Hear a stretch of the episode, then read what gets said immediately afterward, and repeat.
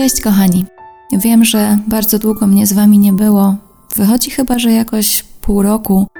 Więc dziękuję serdecznie tym, którzy są tutaj teraz i słuchają, którzy wrócili mimo tak długiej przerwy.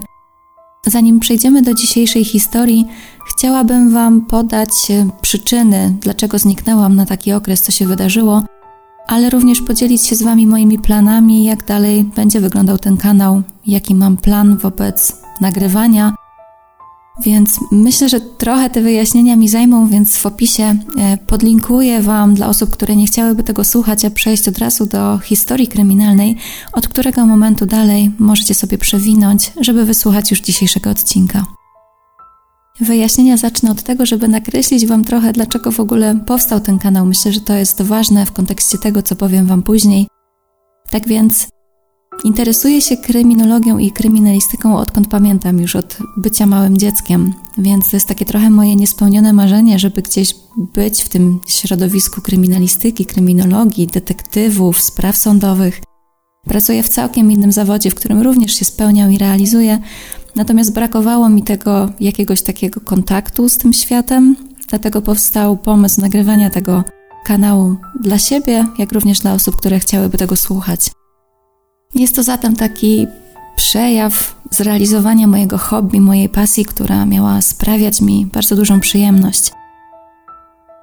Niestety na przełomie 2000 i 2001 roku spotkała mnie bardzo nieprzyjemna sytuacja związana właśnie z prowadzeniem tego kanału, z realizacją odcinków. Chociaż jak sobie możecie wyobrazić, y, takich nieprzyjemnych rozmów, sytuacji, komentarzy jest dosyć sporo, Zawsze tak jest, jak publikuje się coś szerszemu gronu, szerszej publiczności. Natomiast ta sytuacja była o tyle specyficzna, że po opublikowaniu jednego z odcinków dotyczących polskiej sprawy skontaktował się ze mną bohater tego odcinka, w sumie to antybohater, czyli osoba, która została skazana za morderstwo, która odsiedziała swój wyrok i wyszła już na wolność. Jak możecie się domyślać, było to dosyć duże przeżycie.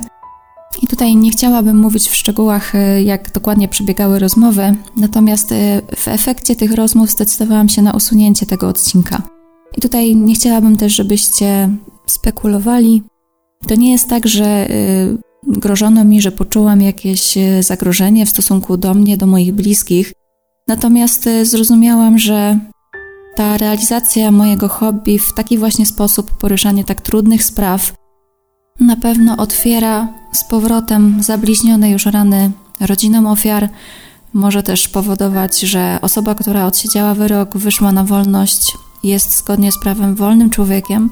W jaki sposób zostaje nękana przez to, że ta sprawa zostaje jeszcze raz upubliczniona, zaczynają tej osobie grozić inne osoby, a w żaden sposób nie chce przyczyniać się moim hobby, moją przyjemnością do tego, żeby takie sytuacje miały miejsce. Nie chcę również stawać się obiektem zainteresowania, skupiać na sobie zainteresowanie osób, które są właśnie takimi antybohaterami odcinków. Tak więc chciałam Was poinformować, że myślę, że na tym kanale już nie będą pojawiać się polskie sprawy, a jeśli będą, to na pewno sporadycznie i najprawdopodobniej będą to sprawy raczej starsze. Ewentualnie zaginięcia, gdzie opublikowany materiał może przynieść coś dobrego. Jest wielu innych wspaniałych twórców, inne wspaniałe kanały, na których są sprawy polskie opowiadane w bardzo szeroki, profesjonalny sposób, bądź właśnie w krótki, jeśli nie macie czasu i potrzebujecie coś 10-15 minutowego, więc na pewno będziecie w stanie znaleźć te wasze ulubione sprawy w innych miejscach. Jest jeszcze jedna kwestia, jeden powód, dla którego moje odcinki były publikowane z czasem coraz rzadziej. Chodzi o czasochłonność tego przedsięwzięcia. Publikując kanał, na początku nie zdawałam sobie sprawy, jak bardzo czasochłonne to będzie, tak biorąc pod uwagę również inne zobowiązania czy hobby życiowe. I wychodzi na to, że nie jestem jednak w stanie poświęcać tak dużo czasu na przygotowywanie materiałów, na nagranie odcinka, jak sobie na początku planowałam. Więc odcinki u mnie będą też pojawiać się pewnie rzadziej i raczej nieregularnie. Mam jednak nadzieję, że mimo to, mimo że nie będzie tutaj już raczej spraw polskich i że odcinki nie będą w regularnych cyklach tygodniowych bądź dwutygodniowych, tylko jak po prostu uda mi się zebrać cały materiał, opracować go, nagrać i obrobić, że wrócicie e, albo raz na jakiś czas po prostu będziecie sprawdzać, czy coś nowego się nie pojawia. Zawsze jest też opcja kliknięcia takiego dzwoneczka i na YouTubie, i na Spotify'u pojawiło się coś takiego, żebyście dostali powiadomienie, że jest nowy odcinek. Po tym długim wstępie chciałabym Wam przedstawić już dzisiejszą historię, która przeniesie nas do Stanów Zjednoczonych. Pewnego marcowego wieczora 1987 roku Nelson przebywa w swoim domu. Nagle słyszy głośne dobijanie się do drzwi wejściowych. Kiedy podchodzi je otworzyć, zauważa, że jest to Josephina, jego była dziewczyna, która, mimo tego, że para rozstała się jakiś czas temu, nadal z nim mieszkała. Mężczyzna nie widział kobiety już od wielu miesięcy, więc bardzo zaskakuje go ten widok. Dodatkowo kobieta jest bardzo roztrzęsiona i targają nią emocje. Bardzo szybko i w nieskładny sposób opowiada Nelsonowi o jakimś przetrzymywaniu, porwaniu, gwałtach innych kobietach, o zamordowanych. Trochę nie jest w stanie przedstawić takiego pełnego obrazu tego, co się stało. Z potoku słów, jakie wypowiada kobieta, daje się usłyszeć, że została uwięziona, że była gwałcona, torturowana, że były jakieś inne kobiety, że ktoś został zamordowany. Początkowo Nelson zastanawia się, czy kobieta na pewno nie straciła rozumu, ale kiedy udaje się mu ją troszkę uspokoić i kobieta zaczyna kontynuować swoją historię już troszeczkę w bardziej uporządkowany sposób, dochodzi do niego, co tak naprawdę się wydarzyło, z czym musiała zmagać się Josefina i postanawia zainterweniować, zemścić się na osobie, która wyrządziła takie krzywdy Josefinie. Jednak kobieta wpada w panikę i prosi, błaga go, by zadzwonić na policję, że jego interwencja może skończyć się śmiercią pozostałych osób.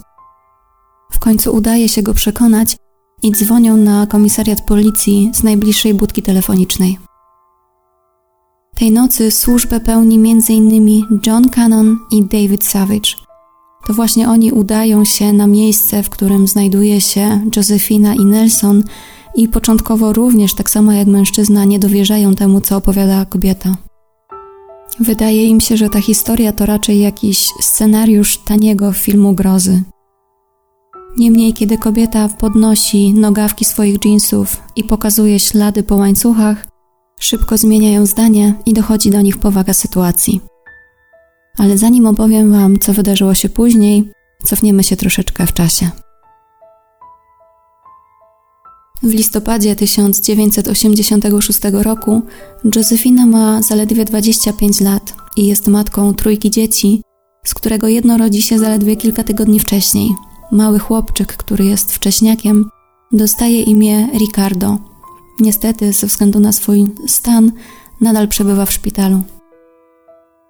Życie Josefiny nie było usłane różami i w tak młodym wieku jest już uzależniona od narkotyków, a jako swoją stałą pracę traktuje prostytucję.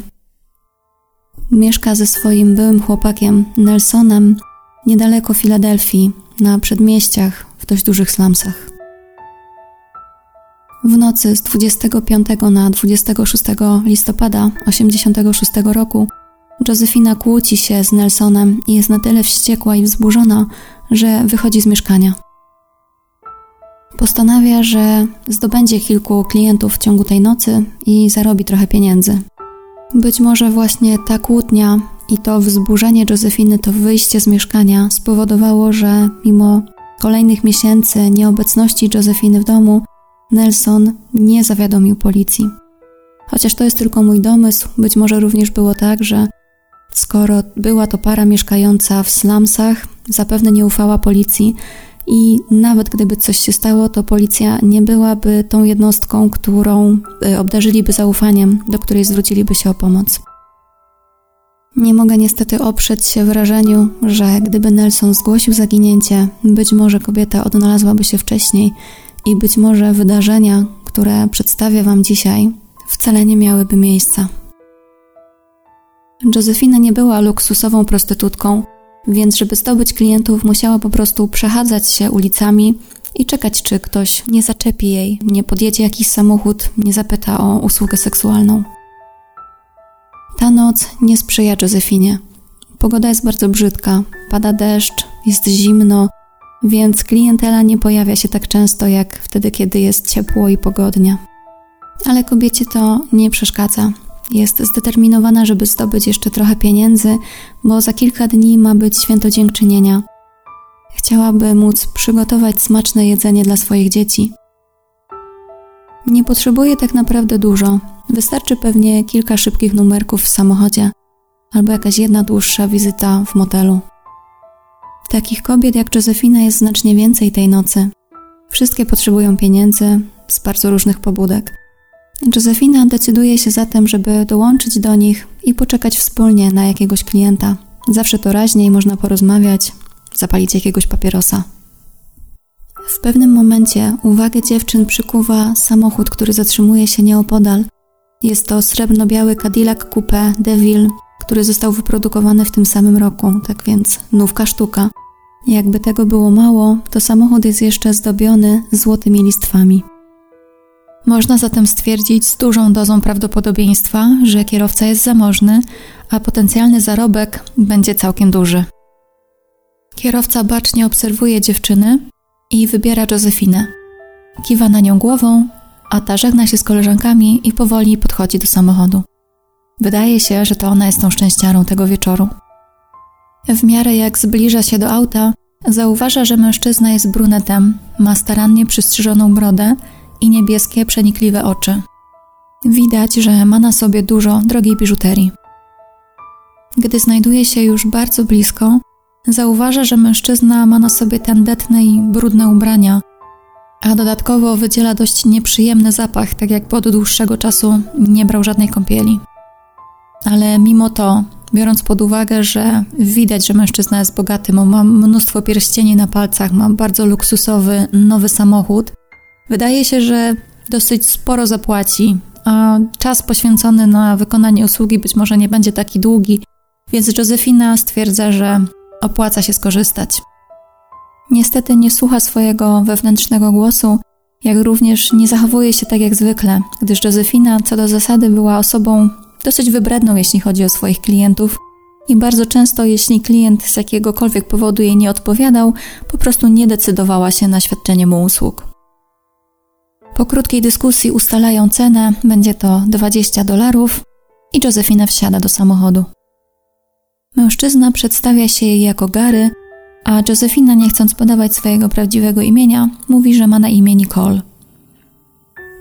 Zanim jednak przejdą do rzeczy, Gary mówi, że chciałby gdzieś podjechać i udają się do pobliskiego McDonalda. Tam oboje wchodzą do środka, mężczyzna kupuje kawę i spokojnie ją sobie sączy, podczas gdy Nicole bacznie go obserwuje, no i przygląda się z kim będzie miała do czynienia. Wcześniej nie mogła tego zrobić dość dokładnie, ponieważ był już późny wieczór, praktycznie noc, a w McDonaldzie światła były jasno zapalone, można było się mężczyźnie poprzyglądać. Nie zauważyła nic dodatkowego. Biały mężczyzna, starannie przystrzyżona broda, niebieskie oczy, drogi zegarek na nadgarstku, dosyć dużo biżuterii. No tylko nie pasują te ubrania, są naprawdę brudne i widać, że tanie. Znowu zaświeca się Josefinie czerwona lampka, ale zostaje ona zignorowana. Po kilku minutach Gary kończy już pić swoją kawę i razem wychodzą z McDonalda, a kiedy ona pyta go, gdzie teraz się udają, mężczyzna odpowiada, że do jego domu. Dojeżdżają do Frankinville, gdzie znajduje się dom Garego. I niestety tutaj po raz kolejny są sygnały ostrzegawcze, które ignoruje Józefina. Otóż sama okolica, jak i dom, do którego podjechali, był tak samo brudny, zapuszczony i nieelegancki jak Gary, ale biorąc pod uwagę, że przed tym domem znajdowały się dodatkowe limuzyny, drogie samochody, kobieta stwierdza, że zaryzykuje, że pieniądze będą dobre, opłaca się. Dla osób, które oglądają mnie właśnie na YouTubie, zobaczycie, który to jest dom, jak on wygląda współcześnie, chociaż różni się wyglądem od stanu, w jakim był w 1980, dlatego załączam Wam również takie starsze zdjęcie. Natomiast jeśli ktoś słucha na aplikacjach podcastowych, to podaję Wam adres, e, żebyście mogli w razie czego, jeśli bylibyście zainteresowani, sami wyszukać sobie na Google Mapsie, jak wygląda okolica. Adres domu Garego to North Marshall Street 3520. Do mieszkania Garego wchodzi się od razu na kuchnię. I to, co dziwi dziewczynę, to to, że do połowy ścian są przyklejone monety, które stanowią dosyć swoistą i dziwną ozdobę tej kuchni. Następnie udają się do salonu. Żeby dojść na strych do sypialni, trzeba było przejść przez salon. I tam z obrzydzeniem Josefina zauważa, że wszystkie meble są brudne, są zepsute, są obskurne. Jedyne co wygląda na w miarę jakoś tam stabilnie utrzymywane to telewizor, magnetowid i magnetofon. W związku z tym, kiedy Gary oferuje, że mogą obejrzeć jakiś film, dziewczyna nie decyduje się na to no, z wiadomych przyczyn. Nie chciałaby spędzać w tym pomieszczeniu więcej czasu. Do sypialni na pierwszym piętrze prowadzi dosyć wąski korytarz, chociaż jak patrzę sobie na zdjęcia, jak wygląda ten dom, to chyba cały dom był dosyć wąski. Natomiast to, co jest ciekawe, to że ten korytarz miał ten sam design co w kuchni, czyli korytarz, mm, który prowadził na pierwsze piętro, był pokryty banknotami. Jak w kuchni były monety, tak tutaj jedno i pięciodolarowe banknoty były przyczepione, przyklejone do ścian.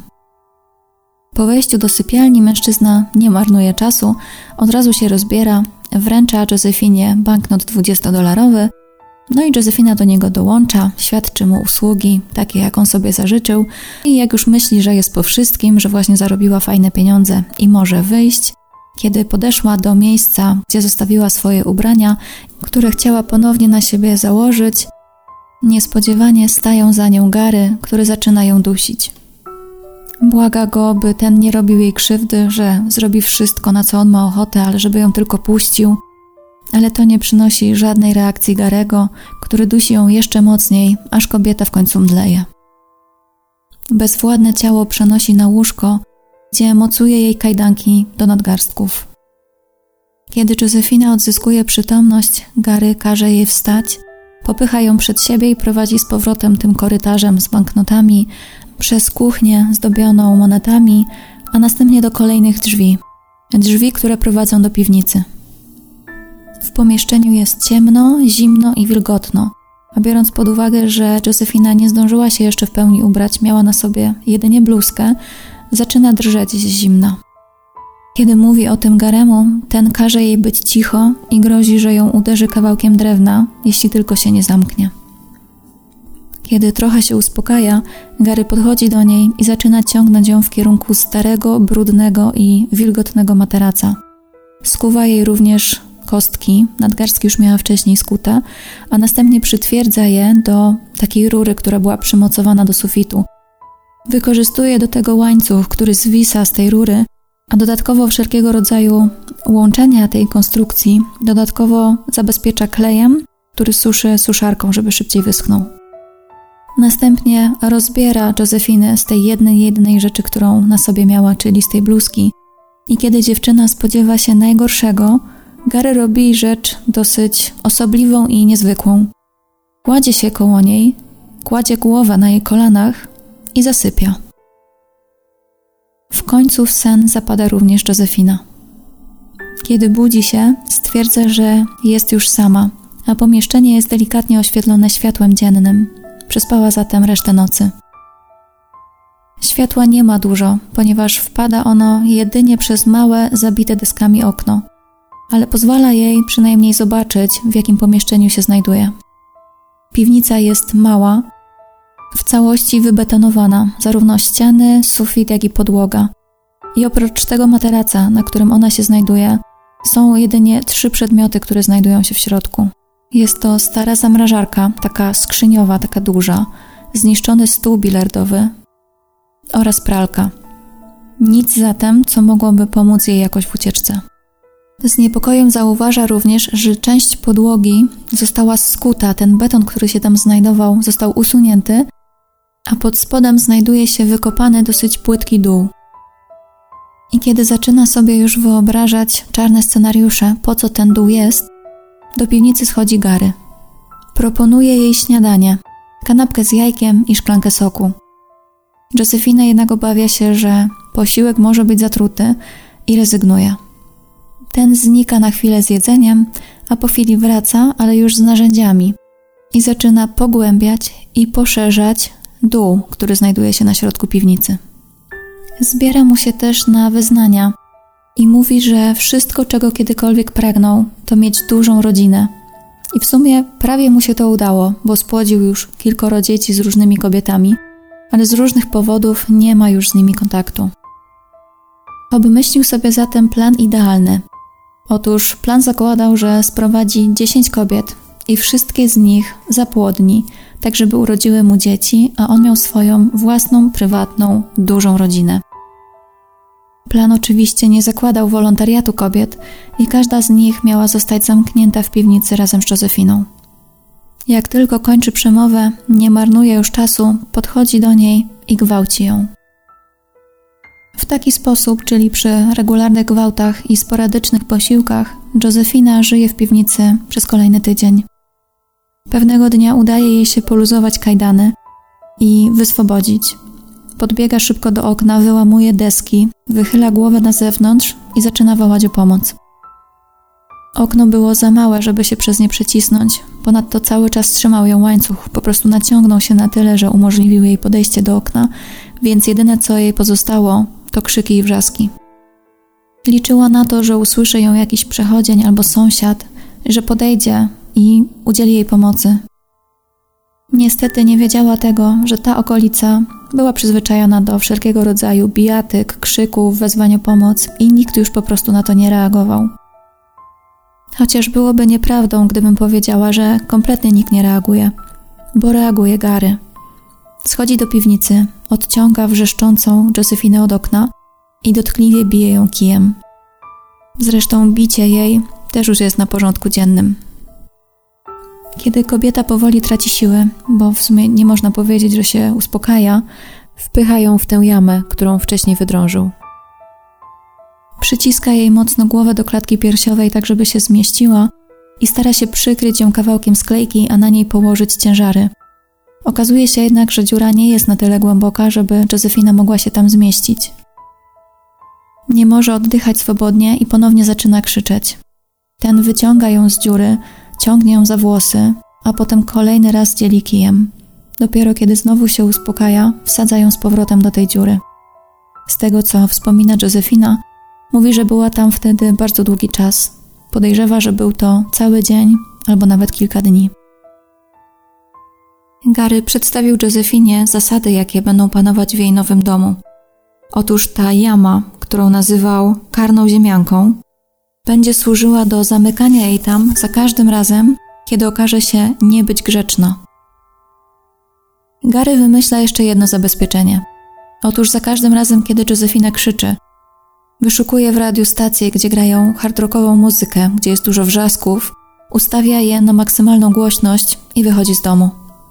Biorąc pod uwagę osiedle, na którym mieszka i jego sąsiadów, którzy widzieli w nim tak naprawdę dziwaka i nikogo nie dziwiły żadne krzyki z żadnego mieszkania, było to bardzo roztropne.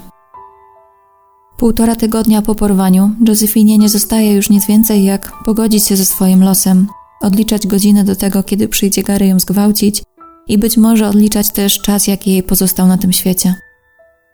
Kolejna wizyta Garego w piwnicy jest jednak inna niż zwykle. Mężczyzna nie jest sam. 3 grudnia 1986 roku, czyli półtora tygodnia po porwaniu, Josefina leży w ziemiance i śni jakby na jawie. Słyszy jakieś narzekania kobiety, słyszy dźwięk łańcucha, który ciągnie się po podłodze i nagle zamiera. Słyszy głos Garego: Bądź cicho, zamknij się, Sandy. Wie, że nie zrobię ci krzywdy. Nagle deska, pod którą leży, podnosi się, a Gary wyciąga ją z dołu. Nie może jednak ustać na ziemi, ponieważ ma bardzo dużo skurczy, ale podnosi głowę i widzi inną młodą, również czarną kobietę. Jest naga, ma ubraną jedynie bluzkę i widzi, że tak jak ona poprzednio, jest przykuta do rury w suficie, dokładnie w taki sam sposób, w jaki pierwszej nocy przykuł ją Gary. Josefinę nie zaskakuje tylko fakt, że pojawiła się nowa osoba, bo Gary zapowiadał jej wcześniej, że jego największym marzeniem jest spłodzenie dzieci z dziesięcioma różnymi kobietami.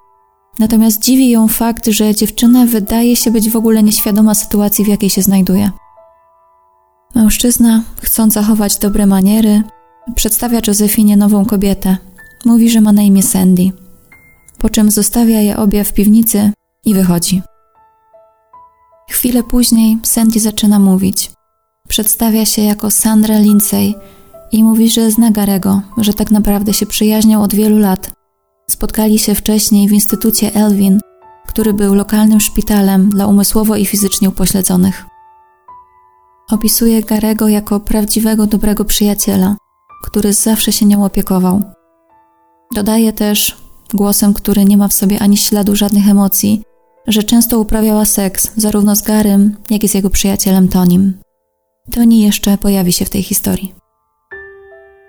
Josefina zaczyna rozumieć, dlaczego ta kobieta wydawała jej się taka dziwna. Dziewczyna jest upośledzona umysłowo. Sandy ma 25 lat i jest opóźniona w rozwoju. Stara się jednak żyć normalnie, żeby wpasować się w tłum, nie wyróżniać się swoją innością. Niestety przez swoje upośledzenie nie jest w stanie racjonalnie oceniać rzeczywistości. Jest osobą bardzo ufną i właśnie przez to wdaje się w bardzo dziwny i można by było powiedzieć nieetyczny romans z Garem. Nie można chyba powiedzieć, że erotyczny romans pomiędzy osobą świadomą i zdrową, a osobą upośledzoną, i to w tak znacznym stopniu, nie jest niczym innym niż wykorzystywaniem. W jednym ze źródeł, ale tylko jednym, więc nie jestem pewna, czy jest to prawda, znalazłam informację, że Sandy prawdopodobnie była w ciąży z Garem, ale dokonała aborcji, bo bała się zostać matką. Kiedy Gary się o tym dowiedział, był wściekły i powiedział jej, że jest zła i zaoferował jej tysiąc dolarów za urodzenie mu dziecka. Kiedy odmówiła, ten porwał ją i przyprowadził do domu, a dokładnie do swojej piwnicy i tam ją uwięził. Sandy tego feralnego dnia, 3 grudnia, miała bardzo silne skurcze menstruacyjne. Chciała udać się do najbliższej apteki, do sklepu, żeby zakupić jakieś lekarstwa. Wyszła z domu około trzeciej po południu i ślad po nich zaginął. Sandy ma jednak kochającą rodzinę, zwłaszcza mamę i siostrę, i od razu jak nie wróciła do domu, wzbudziło to podejrzenia najbliższych. Najpierw zaczynają poszukiwania na własną rękę. Wiedzą, że Sandy przyjaźniła się z dwoma mężczyznami, z Garem i Stonim. O Garym nie wiedzą za wiele, ale wiedzą, gdzie szukać Toniego.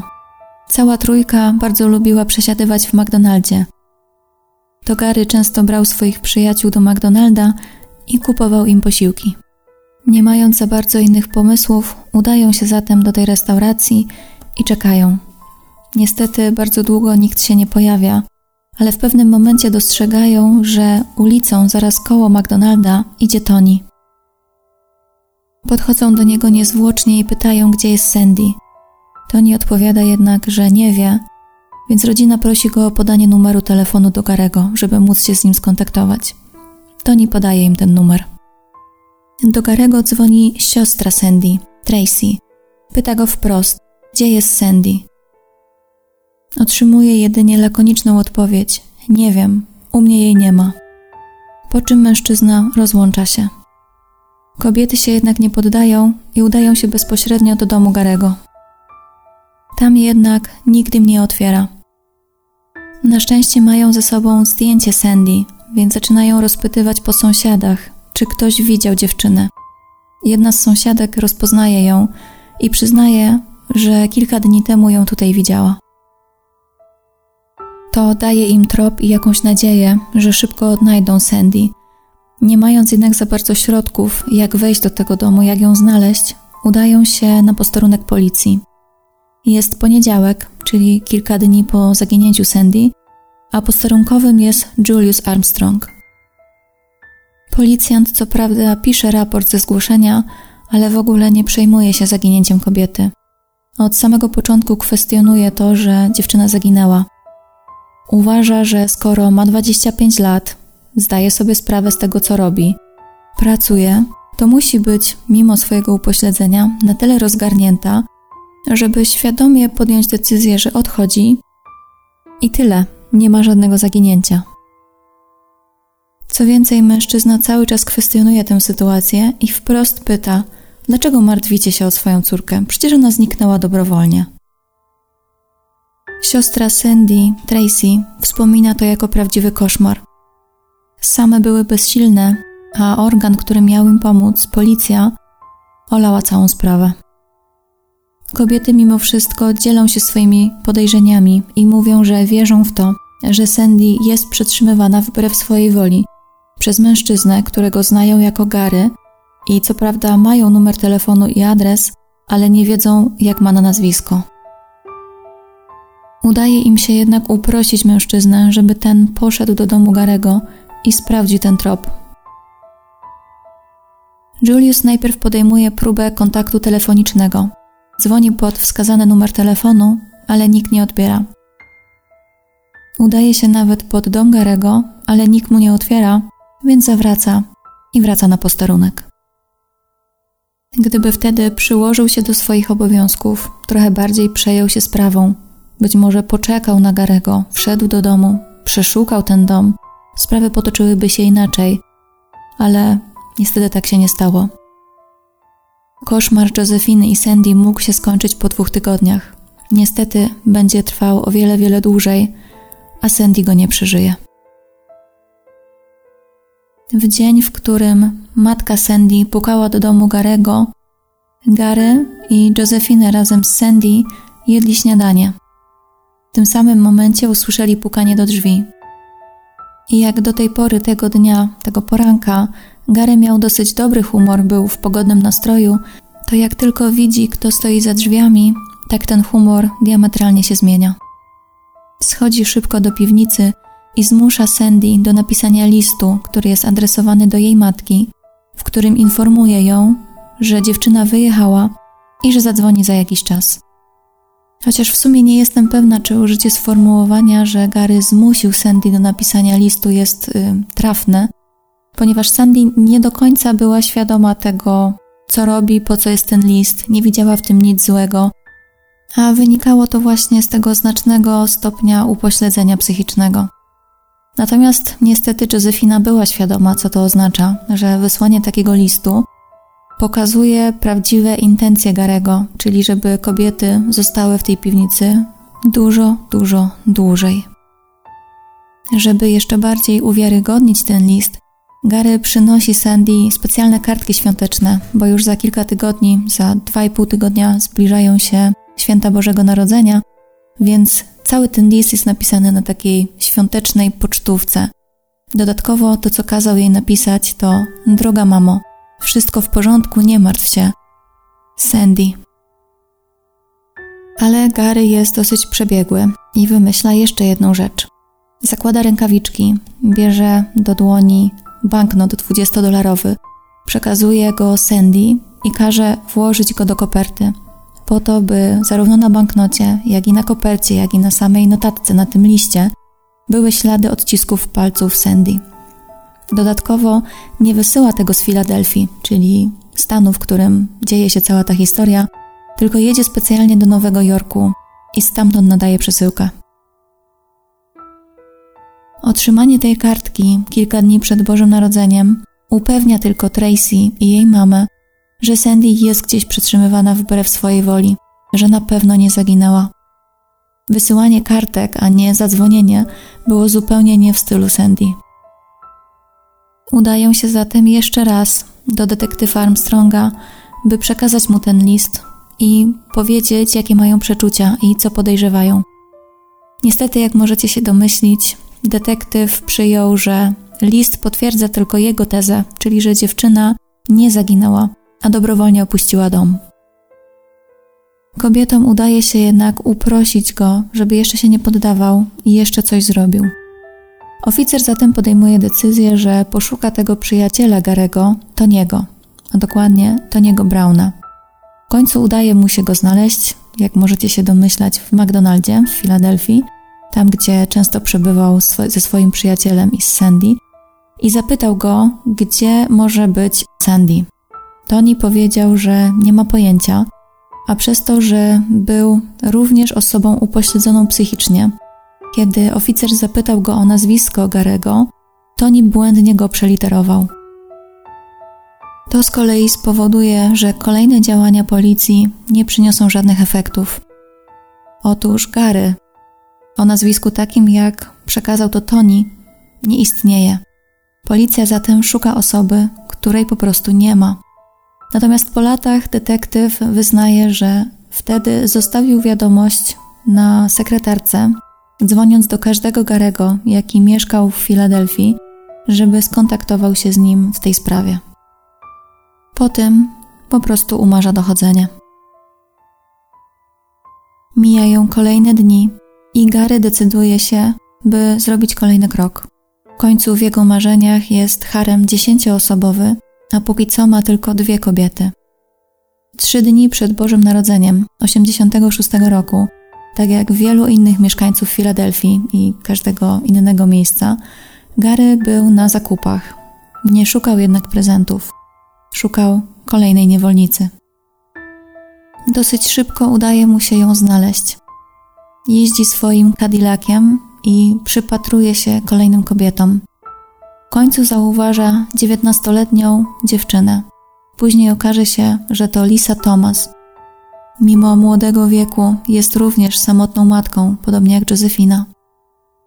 I podobnie jak pozostałe kobiety, również jest czarnoskóra. Początkowo Gary bierze ją za prostytutkę. Wychyla się ze swojego samochodu i robi sugestywny komentarz.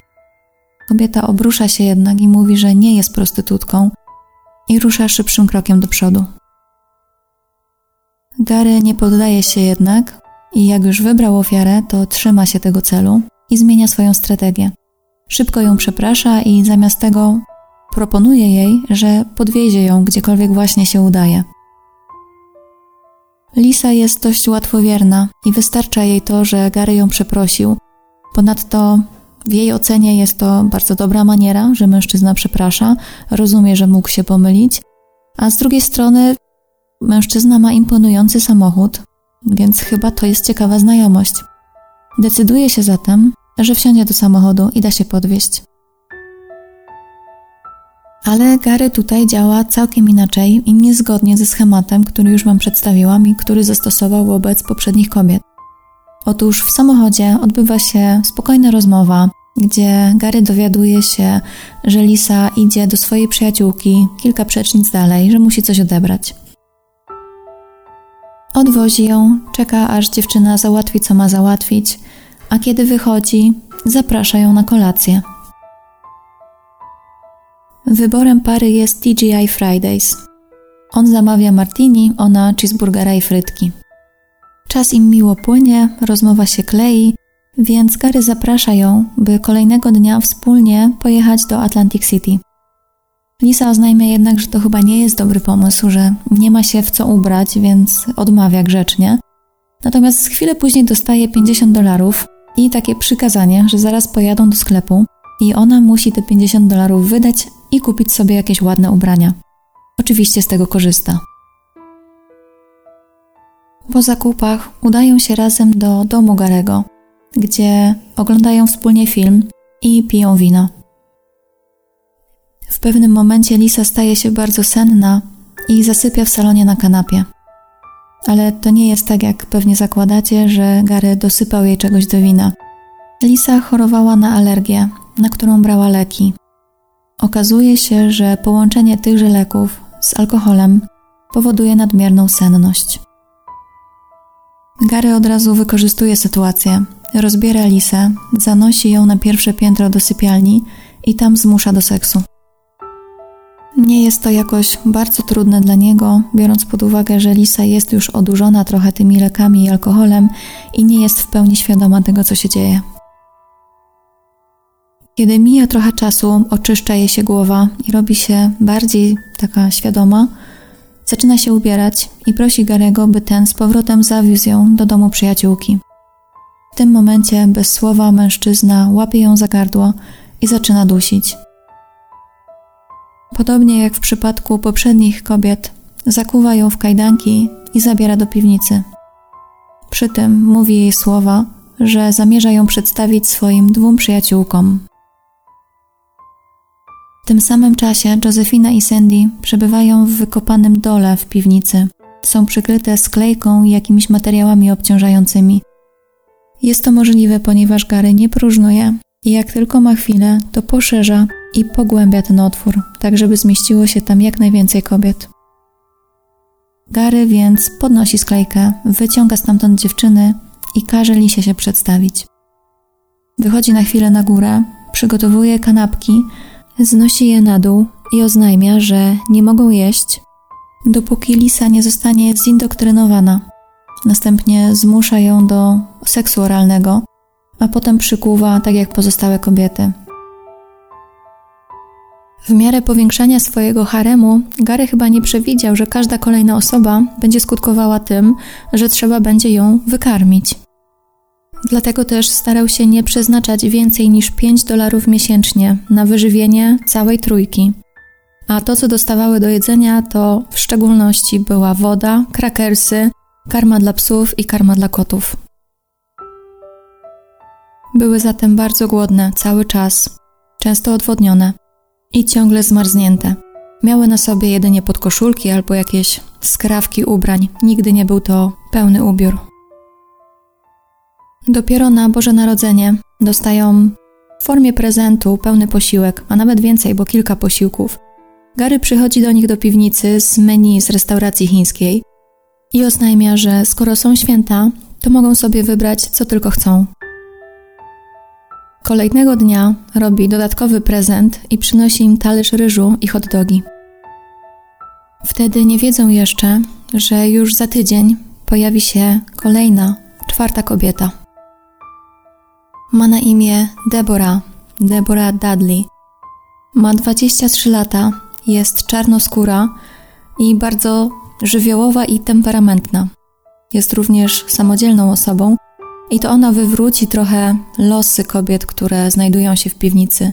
Zmieni się do nich podejście Garego, a samego mężczyznę czeka nie lada wyzwanie. Debbie po sprowadzeniu do piwnicy i zakłócił w kajdany nie chce poddać się bez walki. Krzyczy przez całą noc, aż Gary nie wytrzymuje, schodzi na dół i bije ją do nieprzytomności. Używał wtedy dwóch patyków, takich jakby kijów, i jeden z nich miał na końcu gwoździe. Zostawiał bardzo duże rany na ciele Debbie. Przez kolejne dni stara się podważyć autorytet Garego przy dziewczynach. Stara się również namówić je do walki, do próby obrony, do tego, żeby uciec. I za wyjątkiem tego, że nastąpiła faktycznie pozytywna zmiana w warunkach życia kobiet, ponieważ Gary zgodził się na to, żeby dziewczyny dostały tampony, przenośną toaletę, bo wcześniej musiały załatwiać swoje potrzeby po prostu w miejscu, w którym były, siedziały, leżały i raz na jakiś czas zezwolono im na kąpiel z mydłem. Natomiast oprócz tych, nazwijmy to, korzyści, wiele zmienia się również na gorsze. Przede wszystkim zmienia się na gorsze. Wtedy, kiedy Debbie jest nieposłuszna, bardzo często jest bita do nieprzytomności, ale nie ona jedyna jest karana. Po jakimś czasie za nieposłuszność Debbie karane były wszystkie kobiety. To w rezultacie doprowadza dziewczyny do tego, że między nimi pojawia się napięcie, wybuchają kłótnie i nie jest już tak łatwo wspierać się i trzymać się razem w niedoli. Gary to wykorzystuje. I teraz oprócz codziennych gwałtów dochodzą codzienne bicia. Ale żeby bardziej sobie podporządkować dziewczyny i bardziej je zbuntować pomiędzy nimi samymi, wymyśla system kar, polegający na tym, że kobiety miały się bić pomiędzy sobą. Chodziło o to, że kiedy on był nieobecny, ustalał, powiedzmy, szefową wśród kobiet, które były w piwnicy, i ta szefowa miała donieść mu, czy wtedy, kiedy jego nie było, wszystkie dziewczyny były grzeczne i zachowywały się poprawnie. Jeśli tak nie było i okazywało się, że któraś z dziewczyn była nieposłuszna, to szefowa ma ją samodzielnie ukarać, czyli pobić, tak żeby następnym razem była posłuszna. Nie było jednak tak pięknie i kolorowo, jak mogłoby się wydawać, czyli można by było założyć, że kobiety nie będą na siebie donosić, ale donoszenie stało się właśnie bardzo częstym zjawiskiem. Otóż, kiedy okazywało się, że wszystkie kobiety były grzeczne, nie było żadnego wykroczenia, nazwijmy to w ten sposób, to Gary wtedy bił je wszystkie po kolei. Więc opłacało się im, żeby któregoś dnia nie być pobitą, a jeśli było się wtedy szefową, donieść nawet losowo na kogokolwiek, żeby nie oberwać tego dnia. Ale i tu pojawia się kolejny problem. bowiem jeśli bicie nie było zbyt brutalne i surowe, znowu następowało bicie wszystkich po kolei. Wtedy Josefina podejmuje decyzję, obmyśla plan, który pozwoli jej ujść z życiem i zadzwonić na policję, o czym mówiłam Wam na początku odcinka. Usilnie stara się zdobyć jego zaufanie, wykazując jak najbardziej to, że jest wobec niego lojalna, że jest posłuszna i bardzo często to ona donosi na pozostałe kobiety w piwnicy, przez co Gary zaczyna jej ufać coraz bardziej. Dochodzi nawet do tego, że czasami puszcza ją, by mogła przejść się po mieszkaniu, gwałci ją już nie w piwnicy, tylko w swojej sypialni, a czasami nawet pozwala jej ugotować coś dla siebie do jedzenia. Wydaje się to być sprytne zagranie, ale żeby było to wszystko wiarygodne, Josefina nie dzieli się z innymi kobietami, że jest to gra, którą wymyśliła, więc pozostałe ofiary po prostu myślą, że Josefina obróciła się przeciwko nim, że je zdradziła i że brata się teraz z psychopatą.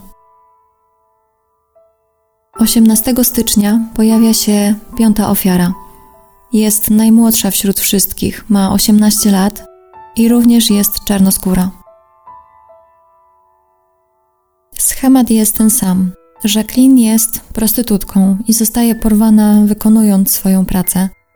Przeniesiona do piwnicy, zgwałcona i kiedy Gary próbuje ją zakuć w kajdany, okazuje się, że jest na tyle drobna i wątła, że kajdany są po prostu za duże. Musi zatem poszukać mniejszych kajdanek i zakuwa ją w kajdanki. 18 stycznia to jednak również dzień, który Gary decyduje się świętować. Otóż są 26 urodziny jego ulubionej żony, bo tak o nich się wypowiada Gary, Józefiny. Chociaż dziewczyna po latach wspomina, że tego dnia Gary również był w bardzo dobrym nastroju, bo wydawało mu się, że zarówno ona, jak i Sandra w końcu zaszły z nim w ciążę. Tak jednak nie było. Mijają kolejne tygodnie, nadchodzi luty. Josefina już ewidentnie jest obdarzona zaufaniem Garego, a za każdym razem, kiedy kobiety są nieposłuszne, muszą przebywać w tej wykopanej przez niego niewygodnej i zimnej dziurze. Trafiają tam również często wtedy, kiedy wydaje się, że ktoś kręci się koło domu albo ktoś puka do drzwi, tak żeby jak najbardziej je zagłuszyć. Dodatkowo Gary wpada trochę w niejaką obsesję i uważa, że dziewczyny nieustannie spiskują przeciwko niemu. Dlatego też chce się zrewanżować i niejako zemścić. Wymyśla nową metodę przetrzymywania ofiar. Związuje im ręce i nogi razem i podwiesza na belce, tak że stopy ledwo dosięgają ziemi. Knebluje im usta, bo denerwują go ciągłe krzyki, a dodatkowo wpada na szaleńczy pomysł, że jeśli dziewczyny nie słyszałyby, kiedy nadchodzi, to tak bardzo by nie krzyczały. Bierze śrubokręt i wbija im w uszy, tak żeby pozbawić je słuchu. Robi to jednak nieumiejętnie i w efekcie nie pozbawia dziewczyn słuchu, a tylko go osłabia, ale przy tym sprawia im bardzo, bardzo dużo bólu. Kara ta omija jedynie Josefinę. Na początku lutego Gary przyłapuje Sandy, jak próbuje przenieść sklejkę, tą taką dyktę, płachtę, która przykrywała dół, tą jamę, w której kobiety czasami przebywały. Kara musi być surowa i dotkliwa, dlatego dziewczyna zostaje uwięziona w taki sposób, że jej nadgarstek został przywiązany do belki, do takiego stropu przy suficie i całe ciało musiało wisieć, a nadgarstek musiał utrzymać całe to ciało. Oczywiście nogi były w jakiś sposób też położone na podłożu, ale nie na tyle, żeby dziewczyna mogła wygodnie się oprzeć lub w jakikolwiek inny sposób zrobić jakieś podparcie. Sandy musi tak wisieć przez kilka dni, około 3-4, i jej stan, który już tak był nie najlepszy, pogarsza się istotnie. W pewnym momencie odmawia nawet jedzenia. Gary, myśląc, że Sandy jest z nim w ciąży, nie poddaje się i próbuje ją nakłonić, żeby ta jadła kawałki chleba. Oczywiście robi to na siłę, to nie są prośby, tylko wpychanie tych kawałków chleba do jej ust i zmuszanie, żeby pogryzła go i przełknęła. Sandy jednak nie jest w stanie tego robić. Po pierwsze, jej stan już jest no, praktycznie krytyczny, dziewczyna jest na wykończeniu. A po drugie, ma bardzo dużą wadę zgryzu, ma taką nieprawidłową budowę szczęki, przez co przyjmowanie posiłków z reguły było dla niej no, trudniejsze niż dla przeciętnej osoby, ale też y, jeśli już spożywała jakiś posiłek, to zajmowało jej to znacznie więcej czasu. W końcu po tych kilku dniach dodatkowej udręki, ciągłym wymiotom przez to, że była zmuszana jeść na siłę, oznajma kobietom, że czuje się chora i mdleje. I to prawdopodobnie są ostatnie słowa, jakie wypowiedziała Sandy. Mężczyzna zdejmuje ją wtedy z tej konstrukcji, a bezwładne ciało kopie w taki sposób, że spada do tej jamy, do dziury. Początkowo myśli, że dziewczyna udaje i tak też komunikuje to pozostałym ofiarom. Dla pewności sprawdza jeszcze puls, ale go nie wyczuwa. Oznajmia dziewczynom, że Sandy nie żyje, bierze jej ciało i wychodzi z piwnicy. Co dziwne, po chwili wraca na dół i częstuje je lodami. W tym momencie mężczyzna nie jest już tylko zwyrodnialcem, który gwałci, porywa i torturuje kobiety, ale staje się mordercą. Tutaj przedstawię Wam, co dalej stało się z ciałem Lindsay, więc jeśli jesteście osobami bardzo wrażliwymi i to, co już usłyszeliście w tym odcinku, to jest dla Was dużo, przewincie sobie proszę gdzieś około minutki do przodu, omincie ten opis. Gary w kuchni na górze zajmuje się ćwiartowaniem ciała Lindsay. Jej głowę umieszcza w dużym garnku i zaczyna gotować na kuchence. Pozostałe części ciała zostają poszatkowane na mniejsze kawałki i zmielone w robocie kuchennym. Niektóre fragmenty ciała umieszcza w plastikowych torebkach i wkłada do zamrażarki. Następnie to, co zostało zmielone, Gary miesza z karmą dla psów i jako kolejne posiłki przekazuje dziewczynom w piwnicy. W tym samym czasie, kiedy Gary oddaje się tym, powiedzmy, przyjemnością wątpliwej jakości y, w swojej kuchni, dziewczyny wiedzą, co się dzieje. Słyszą dźwięk, który przypomina im piłę elektryczną, a po jakimś czasie i przez kolejne dni, przez mniej więcej 3-4 kolejne dni, czują okropny zapach, którego nie są w stanie przyrównać do niczego innego. Zdają sobie też sprawę z tego, co teraz dostają do jedzenia, bo karma, jaką zazwyczaj dostawały, teraz się różni w smaku i w swojej konsystencji. No są zupełnie przerażone już teraz. Najgorzej było, kiedy Gary otwierał drzwi do piwnicy i schodził w dół. Wtedy ten zapach nasilał się jeszcze bardziej i kobiety czuły jeszcze większą zgrozę. Po latach Josefina wspomina, że był to najgorszy zapach, jaki kiedykolwiek w życiu czuła. A przez to, że Gary siedział bardzo długo w domu przez te kilka dni, to ten zapach po prostu w niego wsiąkł. Nie wiem, czy pamiętacie, ale Gary nie był zbyt um, zbytnio osobą, która dbała o swoją higienę osobistą, więc oprócz takiego standardowego smrodu i brudu, który mu towarzyszył, do tego doszło jeszcze przeniknięcie tym obrzydzającym zapachem. Zapach jest tak nieznośny, że daje się również we znaki sąsiadom. Jeden z nich odważa się iść do Garego i pyta go o przyczynę. Gary oznajmia, że on w sumie nic nie czuje, ale że gotował ostatnio potrawkę. No i być może po prostu sąsiad nie lubi tych składników, nie lubi jego kuchni, jego jedzenia i to może mu przeszkadzać. Ale sąsiad jest podejrzliwy, bo zapach jest naprawdę okropny, trwa już bardzo długo i nie jest w stanie do niczego go przyrównać. Dzwoni więc na policję, no i mówi, że czuje od dłuższego czasu taki zapach spalenizny i czegoś obrzydliwego z domu swojego sąsiada.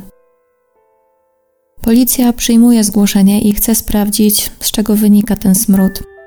Przyjeżdża do domu Garego, puka przez około 10-15 minut, ale nikt mu nie otwiera. Udaje się zatem na tyły domu, tam również puka, ale nikt się nie odzywa i wtedy zagląda przez szybę. Widzi duży garnek stojący na kuchence i widzi, że w tym garnku coś się gotuje, coś mocno wrze a zapach na tyłach tego domu, czyli bliżej kuchni, no był dwa razy silniejszy niż z przodu budynku. Nie wiedząc, co dalej powinien zrobić, dzwoni do swojego przełożonego, ale w tym samym momencie otwiera mu Gary. Ma już gotową wymówkę. Mówi, że gotuje potrawkę, W sumie to chyba powiedział, że gotuje pieczeń, ale że zasnął i cała potrawa razem z garnkiem mu się spaliła, stąd ten zapach spalenizny i ten taki obrzydzający zapach spalonego mięsa. Niestety policjant przyjmuje takie wyjaśnienie, nie sprawdza tego, a teraz już wiemy, że najprawdopodobniej była to po prostu głowa Sandy, która cały czas była tam gotowana, w sumie wygotowywana chyba. E, no i tym samym odbiera kobietom, które były wtedy w piwnicy, szansę na to, żeby je uwolnić. I to doprowadza do tego, że wkrótce ginie kolejna dziewczyna. Gary już drugi raz w przeciągu ostatnich kilku miesięcy ma niesamowite szczęście i nie zostaje złapany. W połowie marca Debbie próbuje uciec. To denerwuje Garego i postanawia ją ukarać. Bierze ją na górę i pokazuje jej, co trzyma w garnku. Oznajmia jej, że jest wrzodem na tyłku i że skończy tak samo jak Lisa, jeśli się nie uspokoi. Wtedy Debbie po raz pierwszy chyba od porwania, kiedy jest w piwnicy, przez jakiś czas jest cicha i spokojna. Dziewczyny nie rozumieją, co stało się tam na górze, dlaczego Debbie w tak krótkim czasie tak szybko się zmieniła i opowiada im, co widziała. Dziewczyny są śmiertelnie przerażone. Wprawdzie domyślały się, że jakiś tego typu podobny los mógł spotkać Sandy, ale potwierdzenie tego od kogoś, kto widział to na własne oczy, pokazało im, że to nie są tylko ich jakieś chore domysły i wyobrażenia, tylko chora rzeczywistość. Debbie, jako osoba, która jest silna psychicznie, po kilku dniach odzyskuje swój wewnętrzny spokój i taką siłę wewnętrzną. Ponownie zaczyna przeciwstawiać się Garemu. 18 marca Gary wychodzi z domu, a kiedy wraca, słyszy, że dziewczyny hałasują. Jest już mocno rozdrażniony ostatnimi dniami, kiedy Debbie go denerwowała, a teraz wpada już naprawdę we wściekłość. Postanawia wymierzyć surową karę, ale nie czwórce dziewczyn, czyli Josephinie, Debbie, Lisie i Jacqueline, bo w końcu Josephina jest już tak jakby jego współtowarzyszką i to ona ma mu pomóc tę karę wymierzyć. Kara jest całkiem nowa, ale do jej wymierzenia korzysta z dziury, którą wcześniej wykopał, w tej, w której dziewczyny czasami musiały przebywać, i też tej sklejki, która była na samej górze, która zamykała tę grotę. Gary zdejmuje izolację z jednego z przedłużacza elektrycznego, z takiej tej końcówki do przedłużacza elektrycznego, a drugą podłącza do prądu. Testuje swoją nowo wymyśloną metodę, czy zadziała tak jak planuje. I tą końcówką, która nie ma już izolacji, dotyka łańcuchów każdej z dziewczyn i patrzy z satysfakcją, jaki ból im sprawia, jak bardzo się wiją. Metoda wydaje się działać, ale nie jest to jeszcze kara docelowa. W sklejce wierci otwory i każe w międzyczasie Josefinie, by ta napełniła dół wodą. Dziewczyny przeczuwają już, co je czeka, ale niestety nie mają za bardzo siły walczyć. Są wykończone, a dodatkowo te rażenia prądem sprzed chwili jeszcze bardziej je osłabiają. Gary się nie zastanawia i kopiąc i popychając kobiety, powoduje, że zsuwają się do wody. Następnie otwór przykrywa sklejką i obciąża ciężarami, tak by dziewczyny nie mogły jej otworzyć, podnieść. Kiedy wszystko jest gotowe, kabel ląduje teraz w wodzie. I dziewczyny są rażone prądem przez to, że woda dosyć dobrze prąd przewodzi. Po chwili wyciąga drut i każe Josefinie, żeby teraz ona go włożyła z powrotem. Niestety drut dotyka bezpośrednio łańcucha, którym jest skuta Debbie. Pochłania on większość napięcia. Debbie krzyczy, wzdryga się w taki dziwny, niekontrolowany, szaleńczy sposób, po czym upada bez życia. Pozostałe dziewczyny zaczynają krzyczeć, ale Gary się tym nie przejmuje. Uspokajają się na chwilkę, uciszają się na chwilkę dopiero wtedy, kiedy Gary wyciąga ciało z wody.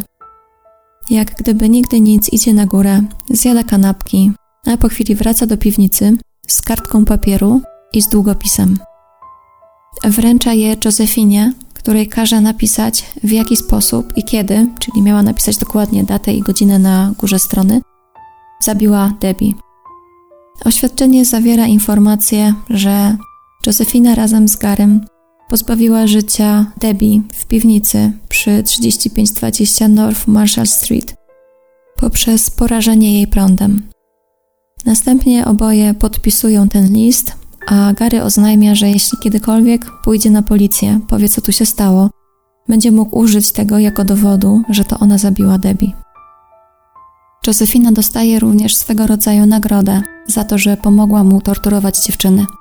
Pozwala jej, w sumie każe jej, iść na górę i się przebrać. Jest to pierwszy raz od czterech miesięcy, odkąd jest w niewoli, Josefina jest w pełni ubrana. Gary zostawia ciało Debbie w piwnicy ku przerażeniu dziewczyn i wraca po nie dopiero następnego dnia. Bierze je, zawija w folię i wkłada do zamrażarki. Następnie wychodzi. Po śmierci Debbie mężczyzna zmienia się ponownie. Jego nastawienie do dziewczyn jest bardziej przychylne i zachowuje się wobec nich troszkę bardziej łagodnie. Oczywiście gwałty i tortury nadal się powtarzają, ale kobiety otrzymują nowe materace, koce, poduszki po raz pierwszy, a nawet telewizor, żeby mogły od czasu do czasu coś sobie obejrzeć. Nastawienie do Józefiny również ulega zmianie. Można by było powiedzieć, że poprawie, bo wydaje się, że Gary już ufa jej bezgranicznie. Dziewczyna nie śpi już w piwnicy, nie przebywa w piwnicy, jest tam raczej sporadycznie, a ma wątpliwy zaszczyt dzielić z nim łóżko w sypialni. Oprócz tego może również wychodzić, oczywiście w obecności Garego, ale pozwala jej to na to, by razem z nim mogła udać się do restauracji albo iść na zakupy. On jednak co jakiś czas przypomina o swojej roli w całej tej sytuacji i jej roli i mówi jej, że jeśli kiedykolwiek zostałby złapany, będzie zachowywał się jak osoba szalona, bo wiedział, jak manipulować procedurami testowymi, by nigdy nie wyszło, że jest poczytalny, że może być skazany i że nie udowodnią mu winy. Opowiada, że przez lata oszukiwał władzę, żeby móc kwalifikować się do renty inwalidzkiej i że po prostu ma w tym dosyć duże doświadczenie. Chce w ten sposób zastraszyć Josefinę, żeby raz na jakiś czas jednak przypomnieć jej, gdzie jest jej miejsce. Prawdopodobnie trzeciego dnia po morderstwie Debbie, czyli 21 marca, razem udają się na wycieczkę do New Jersey. Nie jest to jakiś duży problem, bo Gary posiada mapę New Jersey i trochę orientuje się w terenie. Początkowo są na pchlim targu, robią jakieś drobne zakupy, a następnie Gary zauważa gęsto zalesiony obszar, przy którym się zatrzymuje. Stwierdza, że to jest właśnie to miejsce, że tutaj porzucą ciało Debbie. Następnej nocy, 22 marca, Gary i Josefina ładują częściowo tylko zamrożone ciało Debbie do jednego z samochodów do Vana i jadą z powrotem do New Jersey, do tego obszaru, który upatrzyli poprzedniego dnia. Tak dokładnie to ten obszar znany jest jako Pine Barrens, którego nazwa wywodzi się od tego, że gleba tam była nieurodzajna, kwaśna i piaszczysta, nie dało się na niej nigdy uprawiać roślin, więc teren bardzo gęsto jest teraz porośnięty sosnami. I właśnie między tymi sosnami Gary wyrzuca ciało Debbie. Wtedy Josefina przebywa w samochodzie. Następnego dnia oznajmia jej, że będzie musiał znaleźć zamiennik dla Debbie. W końcu miał już pięć dziewczyn, dwie stracił, Zostały trzy, a przecież w planach w swojej głowie cały czas myślał o dziesięciu. Proponuje zatem, żeby wyruszyć razem na tak zwaną wycieczkę, żeby znaleźć ten zamiennik. Josefina się zgadza i jeszcze tej samej nocy jadą na miasto i przejeżdżają sobie poszczególnymi uliczkami, wyszukując potencjalnej ofiary. Nie mija dużo czasu i szybko zauważają kolejną czarną prostytutkę, która stoi na rogu ulicy. Wydaje się być świetnym celem, ponieważ oboje już ją znają. Dziewczyna zatem nie będzie nic podejrzewać. Nazywa się Agnes Adams i Josefina znają, bo kiedyś obydwie pracowały w tym samym klubie ze striptizem. A Gary znają z tego, że był kiedyś jej klientem. Zatrzymują się koło niej, ona oczywiście ich rozpoznaje i po negocjacji ceny za usługi wsiada do samochodu. Oczywiście nie mogła nic podejrzewać, bo z jej punktu widzenia podjechał do niej jej były klient, z którym już wielokrotnie uprawiała seks i w towarzystwie swojej koleżanki, z którą wcześniej pracowała. Po dotarciu do domu Agnes i Gary udają się na górę, gdzie uprawiają razem seks, a Josefina przebywa w kuchni. Kiedy jest już po wszystkim, a Agnes zbiera się do wyjścia, Gary ją obezwładnia i jak pozostałe dziewczyny przenosi do piwnicy, gdzie zakuwają łańcuchem. Josefina wie już, że w oczach Garego jest bardzo lojalna wobec niej. W końcu pomogła mu uprowadzić kolejną jego, że tak powiem, żonę. Wykorzystuje więc to, że Gary jej ufa i kolejnego dnia namawia go do tego, że ona chętnie pomoże mu pozyskać kolejne kobiety, natomiast bardzo by jej zależało na tym, żeby pojechać do rodziny, więc jeśli mogliby się tak umówić, to ona chętnie pomoże mu w jego planach, natomiast bardzo by liczyła na chociaż krótką rozmowę ze swoimi bliskimi. To trochę powoduje, że czujność Garego zostaje uśpiona. Ta wizja, że będzie miał pomocnika, który zbliży go do tego celu dziesięciu kobiet, swojego prywatnego haremu, który będzie rodził mu dzieci, spowoduje, że będzie miał wielką rodzinę, staje się coraz bardziej realna i bliska, ale przede wszystkim niezmiernie kusząca. Ten dzień nadchodzi 24 marca. Wtedy razem udają się na kolejne polowanie, ale zgodnie z umową, zanim znajdą kolejną ofiarę, Józefina ma dostać chwilę, żeby pójść do swojej rodziny i chwilę z nią porozmawiać.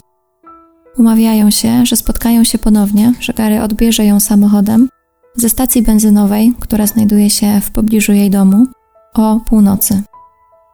Podwozi ją niedaleko domu i sam odjeżdża. Wtedy dziewczyna biegiem udaje się do swojego domu, do Nelsona, opowiada mu masakryczną historię tego, co ją spotkało, a następnie oboje dzwonią na policję. Ten fragment już znacie. Ale jak w takim razie wygląda dalsza część tej historii? Po tym, jak Józefina przekonuje policjantów, że to, o czym im opowiedziała, jest prawdą, mężczyźni udają się na stację benzynową, na której miał czekać w swoim Cadillacu Gary. I jak jeszcze może do tej chwili byli trochę sceptyczni, to kiedy widzą mężczyznę opisanego z wyglądu dokładnie tak, jak przedstawiła to Józefina, i w takim samym samochodzie, o jakim opowiadała Józefina, troszkę upewniają się, że być może mają do czynienia z gwałcicielem, psychopatą i mordercą. Podchodzą do niego, mężczyzna wydaje się zaskoczony i wydaje się, że jest przekonany, że wcale nie chodzi o całą piwnicę i jego przedsięwzięcie, ale o to, że nie płaci alimentów na swoje dzieci. Nie zna jeszcze powodu zainteresowania jego osobą policji, więc zakłada, że są to alimenty i o to ich pyta, Natomiast policja odpowiada, że sprawa jest dosyć poważna i że wcale o te alimenty nie chodzi. Gary tym samym trafia do aresztu. Czteromiesięczna gehenna Josefiny właśnie dobiega końca. I tym samym dobiega końca również gehenna pozostałych uwięzionych dziewczyn. Policja udaje się od razu pod wskazany adres, czyli pod dom Garego. I już pierwszy rzut oka na to miejsce wydaje się być dosyć zaskakujący dla policji. Dom ma dziwne, bo metalowe drzwi. We wszystkich oknach są kraty, a w niektórych kratach wiszą krzyże. W domu puszczony został telewizor, którego głośność została ustawiona na praktycznie cały regulator i grał on naprawdę głośno. Było go słychać już z daleka w okolicy domu Garego. Jak już wiecie, taka głośna muzyka nikomu w sąsiedztwie nie przeszkadzała, na nikim nie robiła już wrażenia, a muzyka została puszczona po to, żeby zagłuszyć krzyki dziewczyn znajdujących się w piwnicy, podczas gdy Garego w domu nie było. Josefina opowiadała, że w zamrażalniku jest przechowywane rozczłonkowane ciało Sandy. Zatem James Hansen, jeden z policjantów, którzy byli na miejscu, udaje się prosto do kuchni i zmierza w stronę zamrażarki. Kiedy otwiera ją, rozpoznaje bezsprzecznie, że to, co widzi, to faktycznie fragmenty ludzkiego ciała. Następnie policja przechodzi do piwnicy, gdzie widzą dwie dziewczyny, które są półnagie i siedząc na materacu, tulą się do siebie. Początkowo są w ogromnym szoku, nie wiedzą co się dzieje. Policja stara się je uspokoić, mówi, że nadeszła pomoc, że to wszystko się skończyło, że wszystko jest w porządku, że są już wolne. Kiedy powoli dociera do nich, co właśnie słyszą, patrzą na policjantów i takim niemym skinieniem, takim nieobecnym wzrokiem spoglądają w stronę takiej drewnianej sklejki, na której znajdują się jakieś duże worki. Policja odsuwa je i podnosi sklejkę i widzą dosyć dużą dziurę, w której leży naga kobieta ze skutymi rękami za plecami i przykutą do łańcucha kostką. Odnaleziono Agnes Adams. Policji nie udaje się za pomocą tego sprzętu, który mają ze sobą, rozkuć żadnej z dziewczyn. Muszą udać się specjalnie na komisariat, żeby dostać specjalny przecinak, gdyż te łańcuchy były tak grube i tak mocno oblepione tym klejem, który miał dodatkowo właśnie wzmacniać te zabezpieczenia, że musieli potrzebować dodatkowego wsparcia. W końcu udaje im się oswobodzić Lizę, Jacqueline i Agnes.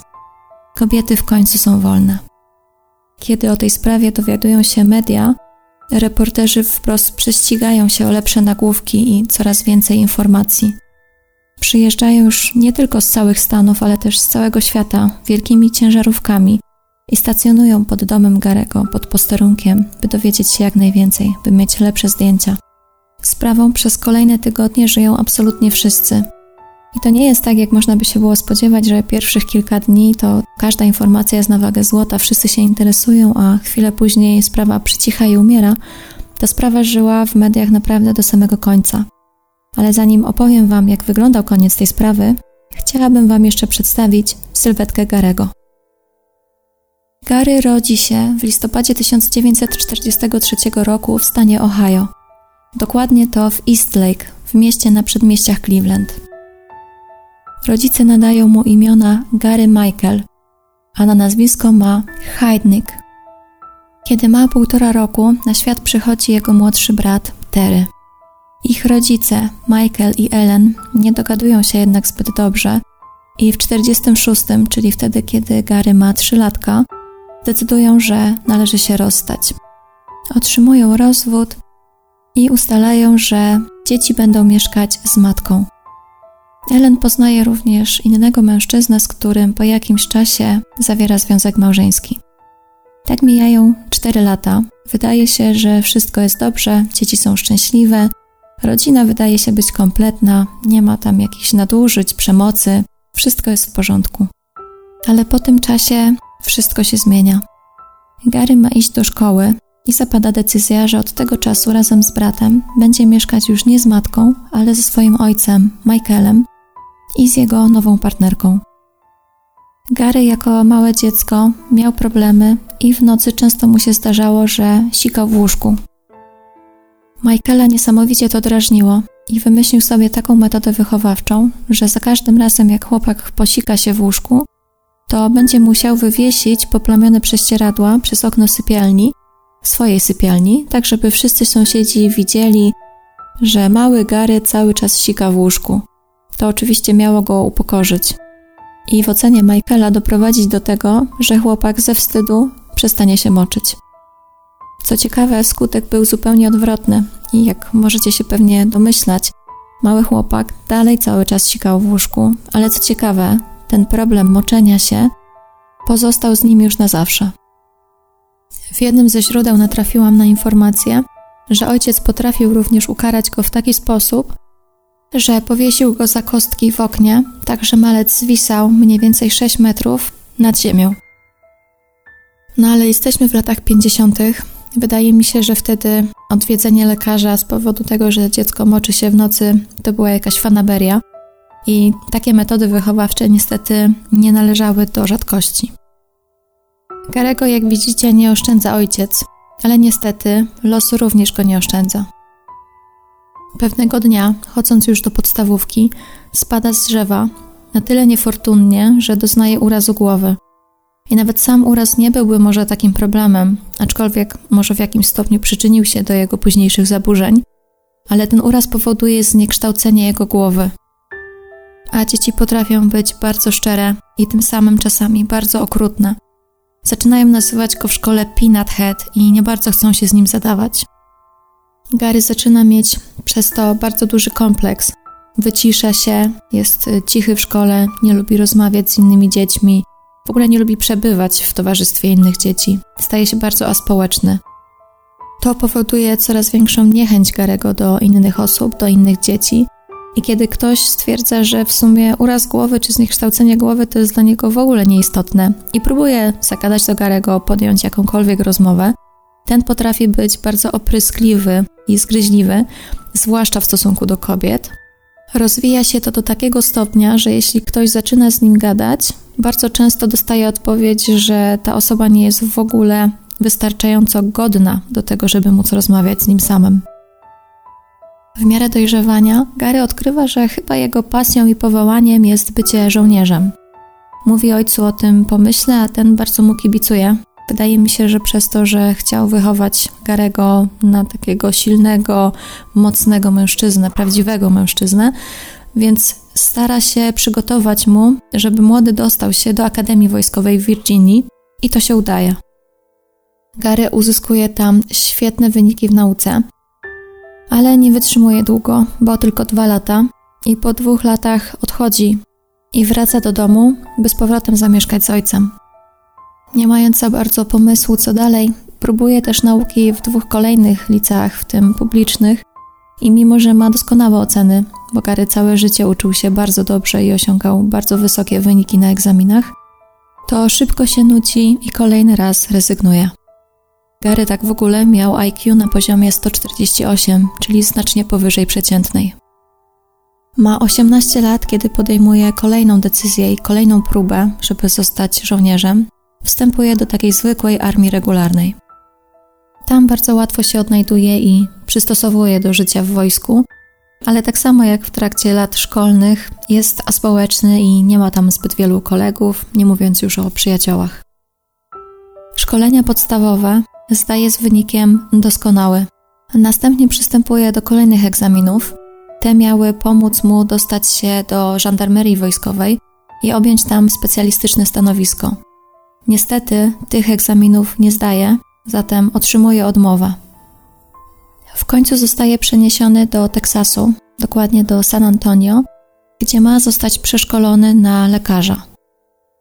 Tak jak zawsze z nauką, Gary radzi sobie bardzo dobrze i egzaminy zdaje z tak dobrym wynikiem, że od razu zostaje przeniesiony do pracy do szpitala wojskowego, natomiast nie w Stanach Zjednoczonych, a w Niemczech, wtedy jeszcze Niemczech Federalnych.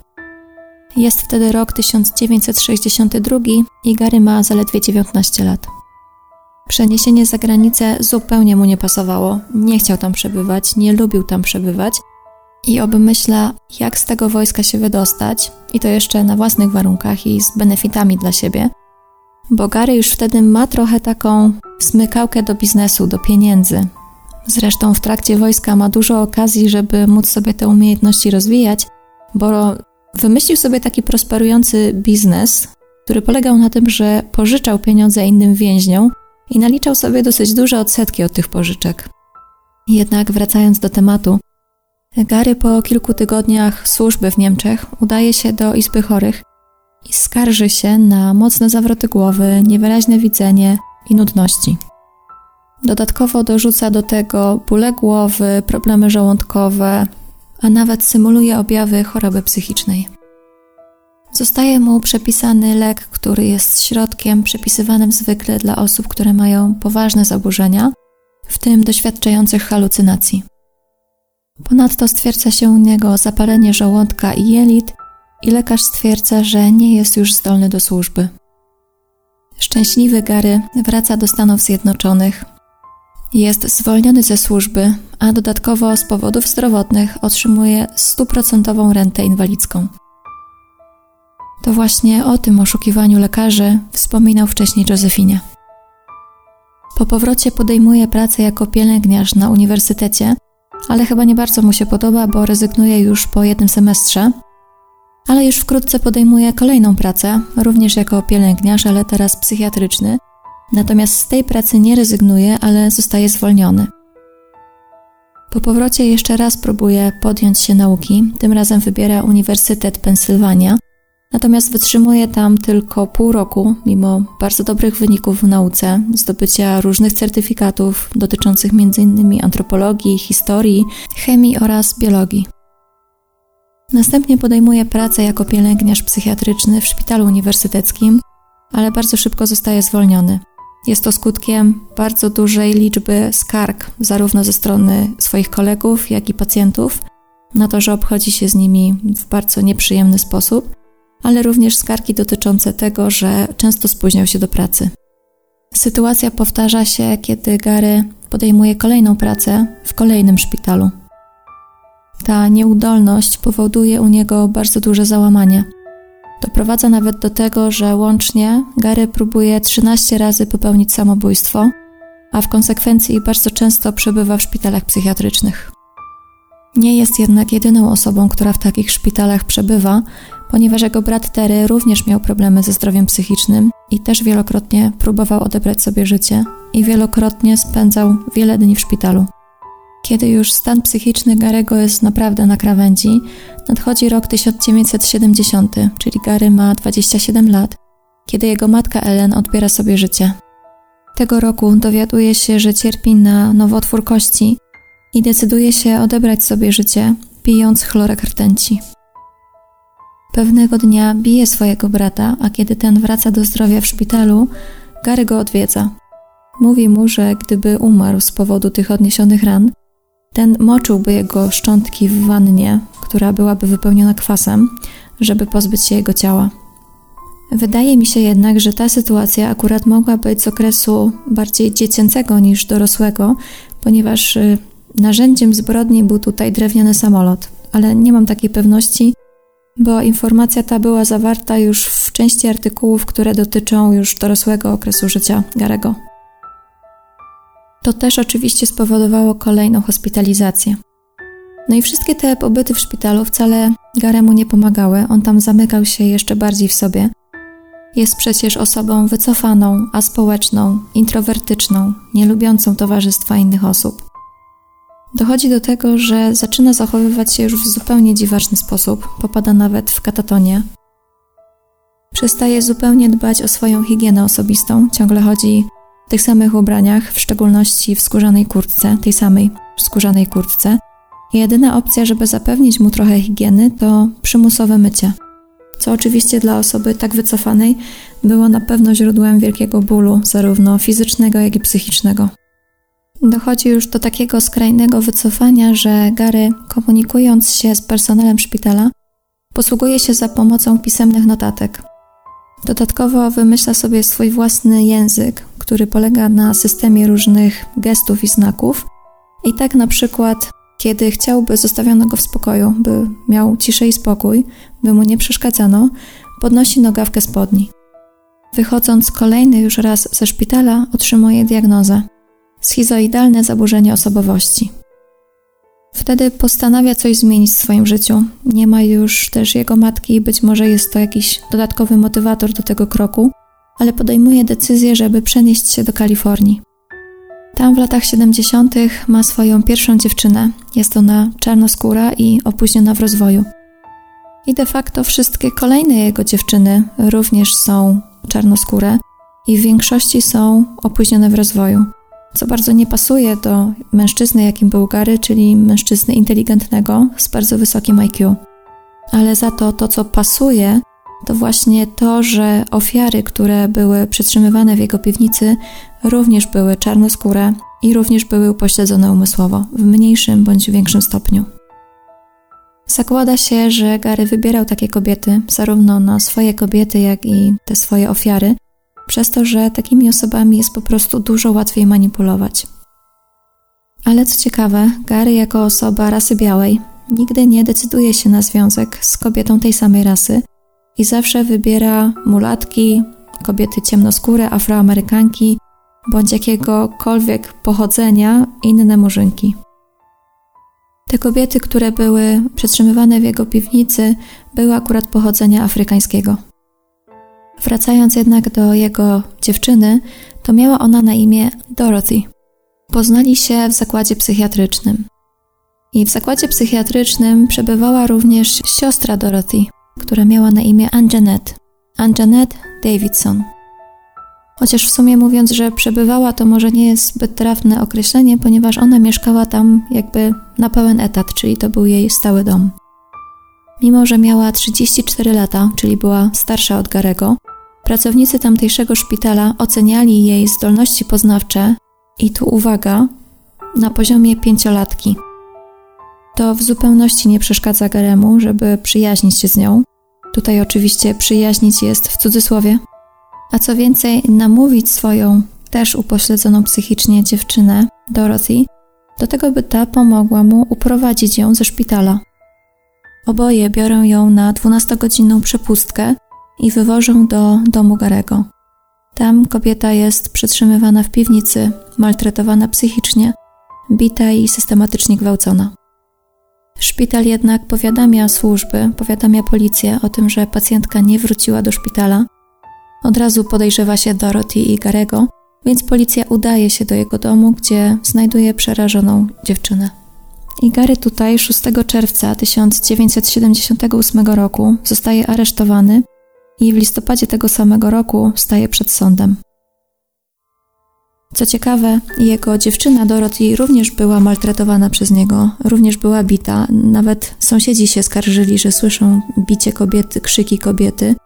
No ale Gary nie został ukarany przez to, że nie było na to żadnych dowodów, więc policja go wtedy tylko i wyłącznie upomniała. Podczas rozprawy psychiatra określa Garego mianem osoby, która jest skłonna do manipulowania innymi i jako osobę, która jest niedojrzała psychoseksualnie. Sąd skazuje go na karę więzienia, jednak dochodzi do apelacji i sąd apelacyjny, sąd drugiej instancji zmienia decyzję i nakazuje, by Gary odbył przymusowe leczenie psychiatryczne. To powoduje, że kolejne trzy lata spędza w różnych klinikach dla umysłowo chorych. Po czterech latach, w 1982 roku, w wieku 39 lat, odzyskuje wolność, ale ma jeden warunek. Ma pozostać pod stałą opieką lekarza psychiatry. Oczywiście tego warunku nigdy nie spełnia. Co ciekawe, kiedy Gary przebywa w więzieniu, znika Dorothy. Policja od razu zauważa związek, wyraźny związek między Garym a Dorothy, jednak nie odnajduje żadnych dowodów, które mogłyby powiązać go z jej zniknięciem. Ta sprawa do dzisiaj jest niewyjaśniona. Chociaż wydaje mi się, że biorąc pod uwagę, że Gary przebywał już w więzieniu, jest chyba mało prawdopodobne, żeby to on przyczynił się do jej zniknięcia. Wydaje mi się raczej, że Dorothy po prostu zniknęła na własne życzenie, tak by facet nigdy jej nie odnalazł. Po wyjściu na wolność udaje się do Filadelfii i tam wraca do starych nawyków. To, co się jednak zmienia, to to, że sprzedaje swój dom i kupuje inny. Przy 3520 North Marshall Street. Jest już wtedy dość zamożnym człowiekiem, zaraz wyjaśnię Wam skąd miał takie pieniądze, i stara się jak najbardziej pokazać to swoje bogactwo. Przede wszystkim wnętrze domu, budynek jak widzieliście wcześniej albo jak zobaczycie jeszcze może później, jest bardzo zniszczony i wygląda bardzo nieatrakcyjnie, więc stara się, żeby chociaż wnętrze w taki ostentacyjny sposób demonstrowało, jak bogatym człowiekiem jest. I tak jak już wcześniej wspominałam, ściany i sufit w kuchni wykleja monetami, a ten hol, korytarz, który prowadzi na piętro, tapetuje banknotami. Żeby przedstawić Wam, skąd Gary dorobił się tak wielkich pieniędzy, w końcu pochodził z niezbyt zamożnej rodziny, zdarzało mu się nawet spać w przyczepach. Do możliwości zakupu domu, a nawet ich zmieniania, musimy cofnąć się kilkanaście lat wstecz, mniej więcej do momentu, kiedy jego matka popełniła samobójstwo. Po śmierci jego matki, Gary doznaje niejako jakiegoś objawienia i postanawia stworzyć swój własny kościół. Nazywa go Zjednoczony Kościół Sług Bożych. Jako przykładny obywatel rejestruje ten kościół w odpowiednich urzędach i mianuje się jego biskupem. Dostaje nawet specjalny dokument, nie wiem czy jest to kwestia jakiegoś dowodu osobistego, bo tak to było nazywane w źródłach. W każdym razie dokument stwierdza, że jest faktycznie biskupem kościoła. Prawdopodobnie nie jest to kwestia samego wyznania, to nie jest tak, że Gary stwierdza, że nagle wierzy w coś całkiem innego, ale jest to po prostu fajna sztuczka, która prowadzi go do tego, żeby dokonać podatkowego oszustwa. Gary bowiem otwiera na rzecz swojego kościoła rachunek inwestycyjny w biurze brokerskim Merrill Lynch i w ciągu następnych kilkunastu lat gra na giełdzie. Zaczyna z kapitałem 1500 dolarów, które pochodzą z jego wojskowego czeku inwalidzkiego, które udaje mu się bardzo szybko pomnożyć, łącznie do kwoty prawie 550 tysięcy dolarów. Właśnie przez to, że rachunek jest zarejestrowany na Kościół, a nie jako rachunek osobisty Garego, nie musi płacić od tych kwot podatku. Co ciekawe, biorąc pod uwagę, że rachunek był kościelny, Pierwszą spółką, w którą inwestuje Gary, jest Playboy. Pozwala sobie na kupienie całej floty w sumie luksusowych samochodów, w tym Rolls-Royce'a, zielono-niebieskiego Vana, Lincolna Continental i srebrno-białego Cadillaca. Tego Cadillaca, w którym uwiódł i uprowadził Josephinę. Jest to niewątpliwie jego ulubiony samochód i traktuje go jako wisienkę na torcie w tym całym przedsięwzięciu i tego misternego planu założenia kościoła i oszukania państwa. Wydaje się, że Gary zatraca się jednak troszeczkę w tym kościele, ale nie do końca jakby ze względu na swoją wiarę, ale oddaje się temu kościołowi. W sumie jedna z jego osób znajomych pyta go kiedyś, czy nie sądzi, że Bóg będzie zdenerwowany tym, że robi sobie takie żarty, tworzy swój własny kościół, w który nie do końca wierzy, a ten odpowiada mu, że Bóg byłby rozbawiony, bo ma poczucie humoru. Początkowo jego kościół zrzesza zaledwie pięciu członków, w tym samego Garego, czyli biskupa, i jego niedorozwiniętą dziewczynę. Wśród nich znajduje się również Sandy. Członków kościoła jednak przybywa, jest to łącznie 50 osób, i co ciekawe, nie są to osoby zdrowe, tylko osoby upośledzone psychicznie. Gary wymyślił sobie, że będzie grał kaznodzieję w pobliskim szpitalu psychiatrycznym i tam pod pretekstem szerzenia wiary Słowa Bożego, dzięki swojej charyzmie i sympatii, pięknemu uśmiechowi, bo w jakiś sposób udaje mu się przejść z tego introwertyka do osoby, która potrafi bardzo dobrze grać i zrzeszać sobie grono osób, udaje mu się skłonić w większości żeńską część tego szpitala, żeby towarzyszyła mu w kościele. Nabożeństwa odprawia regularnie, bo co niedzielę w swoim domu na pierwszym piętrze, a jego wierni bardzo chętnie na nie uczęszczają. Co ciekawe, biskupowi nie przeszkadza, żeby w 1976 roku postrzelić mężczyznę, który wynajmował od niego jeden z domów, w taki sposób, że kula ociera mu się o twarz. Zostaje on oskarżony o napaść kwalifikowaną i nieuprawnione posiadanie pistoletu. Kiedy ten dom w końcu Gary sprzedaje, rodzina, która go sprząta, tak by przygotować na swoje wprowadzenie, znajduje pudła z czasopismami pornograficznymi i o dziwo, dziurę wykopaną w betonowej podłodze piwnicy. Byłam niezwykle ciekawa, czy kościół nadal istnieje, czy jest jakiś nowy biskup albo jakaś trzutka, która wierzy w to, co przekazywał Gary. Niestety nie udało mi się dotrzeć do takich informacji, więc jeśli wy coś wiecie na ten temat, będę bardzo wdzięczna, jeśli podzielicie się swoją wiedzą. Wróćmy teraz z powrotem do początku lat 80., ale do okresu, kiedy Gary nie porywa jeszcze Josephiny. Ma on już za sobą kilka nieudanych związków, nawet ma już kilkoro dzieci z tymi kobietami, ale cały czas brakuje mu tej takiej prawdziwej żony, która będzie koło niego. Podejmuje decyzję, żeby tym razem inaczej podejść do tematu i korzysta z usługi biura matrymonialnego. Określa kryteria, jakie go interesują, a biuro ma skojarzyć go z taką kobietą. I tutaj o dziwo, nie jest to czarna kobieta, a Azjatka. Biuro proponuje mu kontakt z młodą Filipinką Betty Disto. Para koresponduje ze sobą listownie przez dwa lata, czasami zdarza im się odbyć rozmowę telefoniczną, a w końcu Gary oświadcza się. Betty przyjmuje oświadczyny i we wrześniu 1985 roku przylatuje do Stanów Zjednoczonych. W niecały miesiąc później para pobiera się. Betty decyduje się na ślub, mimo tego, że ma już obawy co do Garego. Otóż, kiedy przywitali się na lotnisku, Gary zabrał ją do swojego domu. Jest już to ten dom przy 3520 North Marshall Street. I kiedy oprowadza ją po nim, Betty zauważa, że w łóżku w sypialni leży upośledzona czarna kobieta. To wzbudza jej czujność, ale Gary uspokaja ją, że kobieta jest po prostu lokatorką, że wynajmuje pokój, za który normalnie płaci i mimo takiego czerwonego światełka ostrzegawczego nic z tym nie robi. W małżeństwie układa się dobrze, ale niestety tylko przez pierwszy tydzień. Wszystko zmienia się, kiedy któregoś dnia Betty wraca z zakupów i zestaje swojego męża w łóżku, uprawiającego seks z trzema czarnymi kobietami. Jakby tego było mało, zmusza ją do wspólnego seksu z nimi. Przez kolejne trzy miesiące Gary zmusza żonę do tego, by oglądała, jak on uprawia seks z innymi kobietami.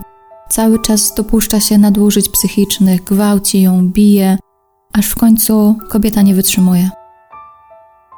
W końcu nadchodzi niedziela, dzień jak co dzień, czyli Betty musi oglądać, jak Gary uprawia seks z innymi kobietami i kiedy skarży się na to, zostaje bardzo brutalnie zgwałcona. Dodatkowo jest zmuszona, żeby ugotować im wszystkim posiłek. Ten poziom upokorzenia przerasta już Betty, przelewa czarę goryczy i w końcu decyduje się, żeby od niego odejść. Nie jest to jednak takie proste, bo kiedy żąda pieniędzy od męża, by ten opłacił jej powrót na Filipiny, ten oczywiście nie zgadza się. Sprawę komplikuje również fakt, że Betty nie ma swoich znajomych, nie ma tutaj rodziny. Jedyni znajomi, przyjaciele, z którymi się widywali, to znajomi Garego. Nie ma więc nikogo, kto pomógłby jej wydostać się z tego koszmaru. Decyduje się zatem, żeby skontaktować się z członkami społeczności filipińskiej, którzy jak najbardziej jej pomagają, i kobieta cztery dni później udaje, że wychodzi na zakupy i opuszcza Garego. Jest rok 1986 i kiedy Betty opuszcza męża, jest już w ciąży. Nie mówi mu jednak o tym, bo wie, że będzie uciekać. Wie, że jeśli przyzna się do tego, że jest w ciąży, Gary zrobi wszystko, żeby jej to uniemożliwić. A tak to troszkę uśpiła jego czujność. Gary o tym, że ma syna, kolejne dziecko, dowie się dopiero rok później, w 1987, i to za pomocą listów, jakie otrzymuje od Betty, która żąda płacenia alimentów. Dwa tygodnie po ucieczce Gary zostaje zatrzymany i oskarżony o wiele różnych napaści, o gwałty i wiele innych ciężkich przestępstw związanych z Betty. Niestety tutaj po raz kolejny udaje mu się oszukać wymiar sprawiedliwości. Betty nie pojawia się na wstępnym przesłuchaniu i zarzuty zostają oddalone. Co więcej, Gary przebywa wtedy na zwolnieniu warunkowym za poprzednie przestępstwa i na dzień przed jego aresztowaniem to zwolnienie warunkowe upływa. Gdyby tak nie było, pewnie szybko trafiłby za kratki, byłby już w sumie recydywistą. Po aresztowaniu Garego, w momencie kiedy Josephine zawiadomiła policję, ta oczywiście skrupulatnie przeszukuje jego dom i najbliższe otoczenie. W jednym ze źródeł jest informacja, co wtedy policji udaje się zabezpieczyć. Oprócz tego, co opowiadałam Wam już wcześniej, to w kuchni znajduje się aluminiowy garnek, który jest dosyć mocno zwęglony i który zawiera żółtawą, tłustą substancję. Myślę, że doskonale domyślacie się, o który garnek chodzi. Ponadto na blacie kuchennym znajduje się robot, który sprawia wrażenie niedawno użytego i w jego częściach znajduje się coś, co wygląda na surowe mięso. Oprócz znalezisk w zamrażalce, o których już opowiadałam, wewnątrz pieca znajduje się również zwęglony kawałek kości, który policji przypomina bardzo ludzkie żebro. Przeszukiwania są bardzo dokładne. Jest zabezpieczane absolutnie wszystko, co może mieć jakikolwiek związek ze sprawą. Jest przekopane podwórko zarówno z przodu budynku, jak i z tyłu, ale nigdzie nie ma śladu żadnych innych szczątków ludzkich. Policji udaje się również zabezpieczyć magazyny pornograficzne, które przedstawiają czarne kobiety. A także, co chyba najbardziej ich zaskakuje, biorąc pod uwagę wygląd domu i tego, jakim człowiekiem był Gary, jak wyglądał, jak brzydko pachniał, identyfikują rachunek bankowy, dokładnie to konto inwestycyjne, które jest założone na kościół Garego, na którym jest kwota ponad pół miliona dolarów. I tutaj taka ciekawostka. Właśnie to zdeponowanie tak wielkiej kwoty na rachunku będzie później wykorzystane podczas procesu do tego, żeby obalić potencjalne szaleństwo Garego, chorobę psychiczną. W procesie będzie zeznawał jego doradca finansowy, który stwierdzi z całą pewnością, że Gary był inwestorem, który dokładnie wiedział, co robi. A jak zatem przebiegał sam proces i jaki był wyrok? Pierwsza rozprawa od momentu, kiedy Gary zostaje zatrzymany, ma miejsce 23 kwietnia 1987 roku, czyli w sumie niedługo po tym, jak dziewczyny zostały uwolnione. Gary jest świadomy tego, jak bardzo medialna stała się jego historia, więc musi znaleźć sobie takiego obrońcę, który zna się na tego typu głośnych sprawach. Chodzi o to, że sprawa jest dość sensacyjna, kontrowersyjna, a społeczeństwo i media no tak naprawdę wyrobiły już sobie własne zdanie i własną opinię na ten temat i no, co do zasady pewnie sądu by się nawet nie chciały słuchać, gdyby wyrok nie byłby takim, jakiego sobie prasa i ludzie życzą. Gary zostaje oskarżony o morderstwo, w sumie to dwa morderstwa, o porwania, o gwałty, o różnego rodzaju napaści, w tym napaści seksualne, o nieprzyzwoite czynności, takie jak obnażanie się, o uwięzienie, a także wiele, wiele innych przestępstw, które są o charakterze seksualnym. Dla obrońcy zatem no, trudny orzech do zgryzienia, więc Gary decyduje się, żeby zatrudnić Chucka Peruto, który jest adwokatem mającym duże doświadczenie w tego typu sensacyjnych sprawach, w których bronił oskarżonych. Kiedy znajomi Garego widzą go podczas procesu, w czasie przerwy podchodzą do jego obrońcy i zadają bardzo dziwne pytanie. Sprawiasz, że Gary wygląda na szalonego. Nigdy tak nie wyglądał. Sprawiasz wrażenie, jakby wyglądał jak Manson. O co chodzi? Z ust Peruto pada następująca odpowiedź. Czyż to nie cudowne? Przyjętą linią obrony, chyba jedyną, która miała jakiekolwiek szanse na powodzenie, jest uznanie Garego za osobę skrajnie szaloną, zdecydowanie niepoczytalną. Później po tej rozprawie Peruto był z siebie bardzo dumny i wypowiadał się w mediach, że jeśli chce się pokazać, udowodnić komuś, że jakaś osoba jest szalona, to trzeba zrobić tak, żeby wyglądała ona na szaloną. I że podczas procesu Gary wyglądał genialnie, czyli w 100% jako osoba niepoczytalna. Dodatkowym elementem linii obrony było twierdzenie, które Gary od momentu aresztowania cały czas potwierdzał, czyli mówił, że kobiety były już w domu wtedy, kiedy się wprowadził. Jakkolwiek absurdalnie to nie brzmi, naprawdę takie było jego zeznanie. Dodatkowo usilnie upierał się, że Sandy została zabita przez pozostałe kobiety przez to, że była lesbijką. Dowodów była jednak cała masa na winę Garego, a przede wszystkim takim najbardziej obciążającym dowodem były po prostu zeznania ofiar, którym udało się ujść z życiem z piwnicy Garego. Pierwsza zeznaje Lisa i co ciekawe nie oskarża jedynie Garego o całą gehennę, jaką musiała znieść, ale również samą Josefinę o to, że sama zgłosiła się do bycia no, współpartnerem tych wszystkich zbrodni. Sam Peruto zresztą też podjął ten temat i próbował oskarżyć Josefinę o to, że to ona podżegała do wielu pobić i że była współuczestnikiem morderstw. Lisa zeznaje m.in., że w którymś momencie dziewczyny wymyśliły plan, jak zaatakować Garego, ale do tego nigdy nie doszło, bo Josefina zdradziła ten plan Garemu.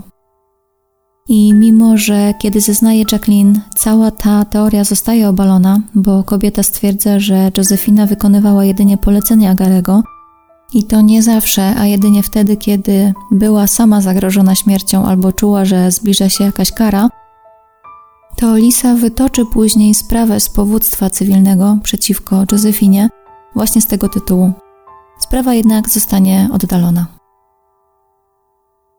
Na jednej rozprawie się jednak nie kończy i Gary staje ponownie przed sądem 20 czerwca 1988 roku, czyli ponad rok po pierwszej rozprawie.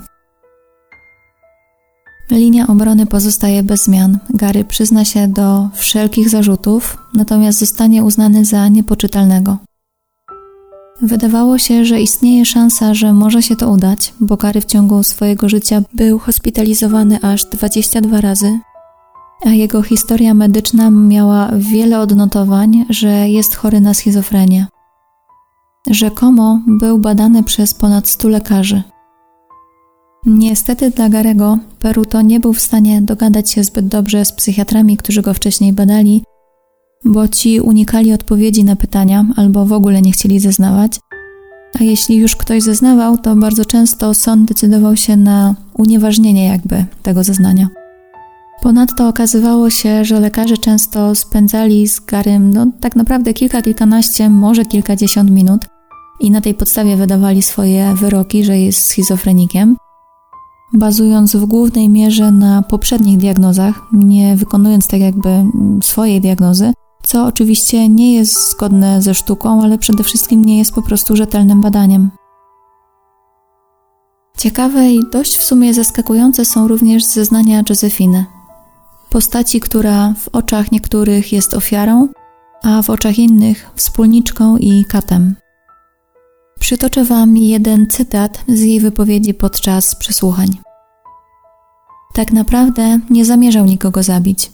Narysował dla mnie diagramy tego, jak Debbie jest uwięziona, jaka powinna być elektryczność, żeby zmusić ją do zrobienia tego, czego on chce, co jest właściwe. Pokazał mi, jak użyć prądu, tak żeby nie doprowadzić do jej śmierci. Josefina broniła go również, jeśli chodzi o śmierć Sandy.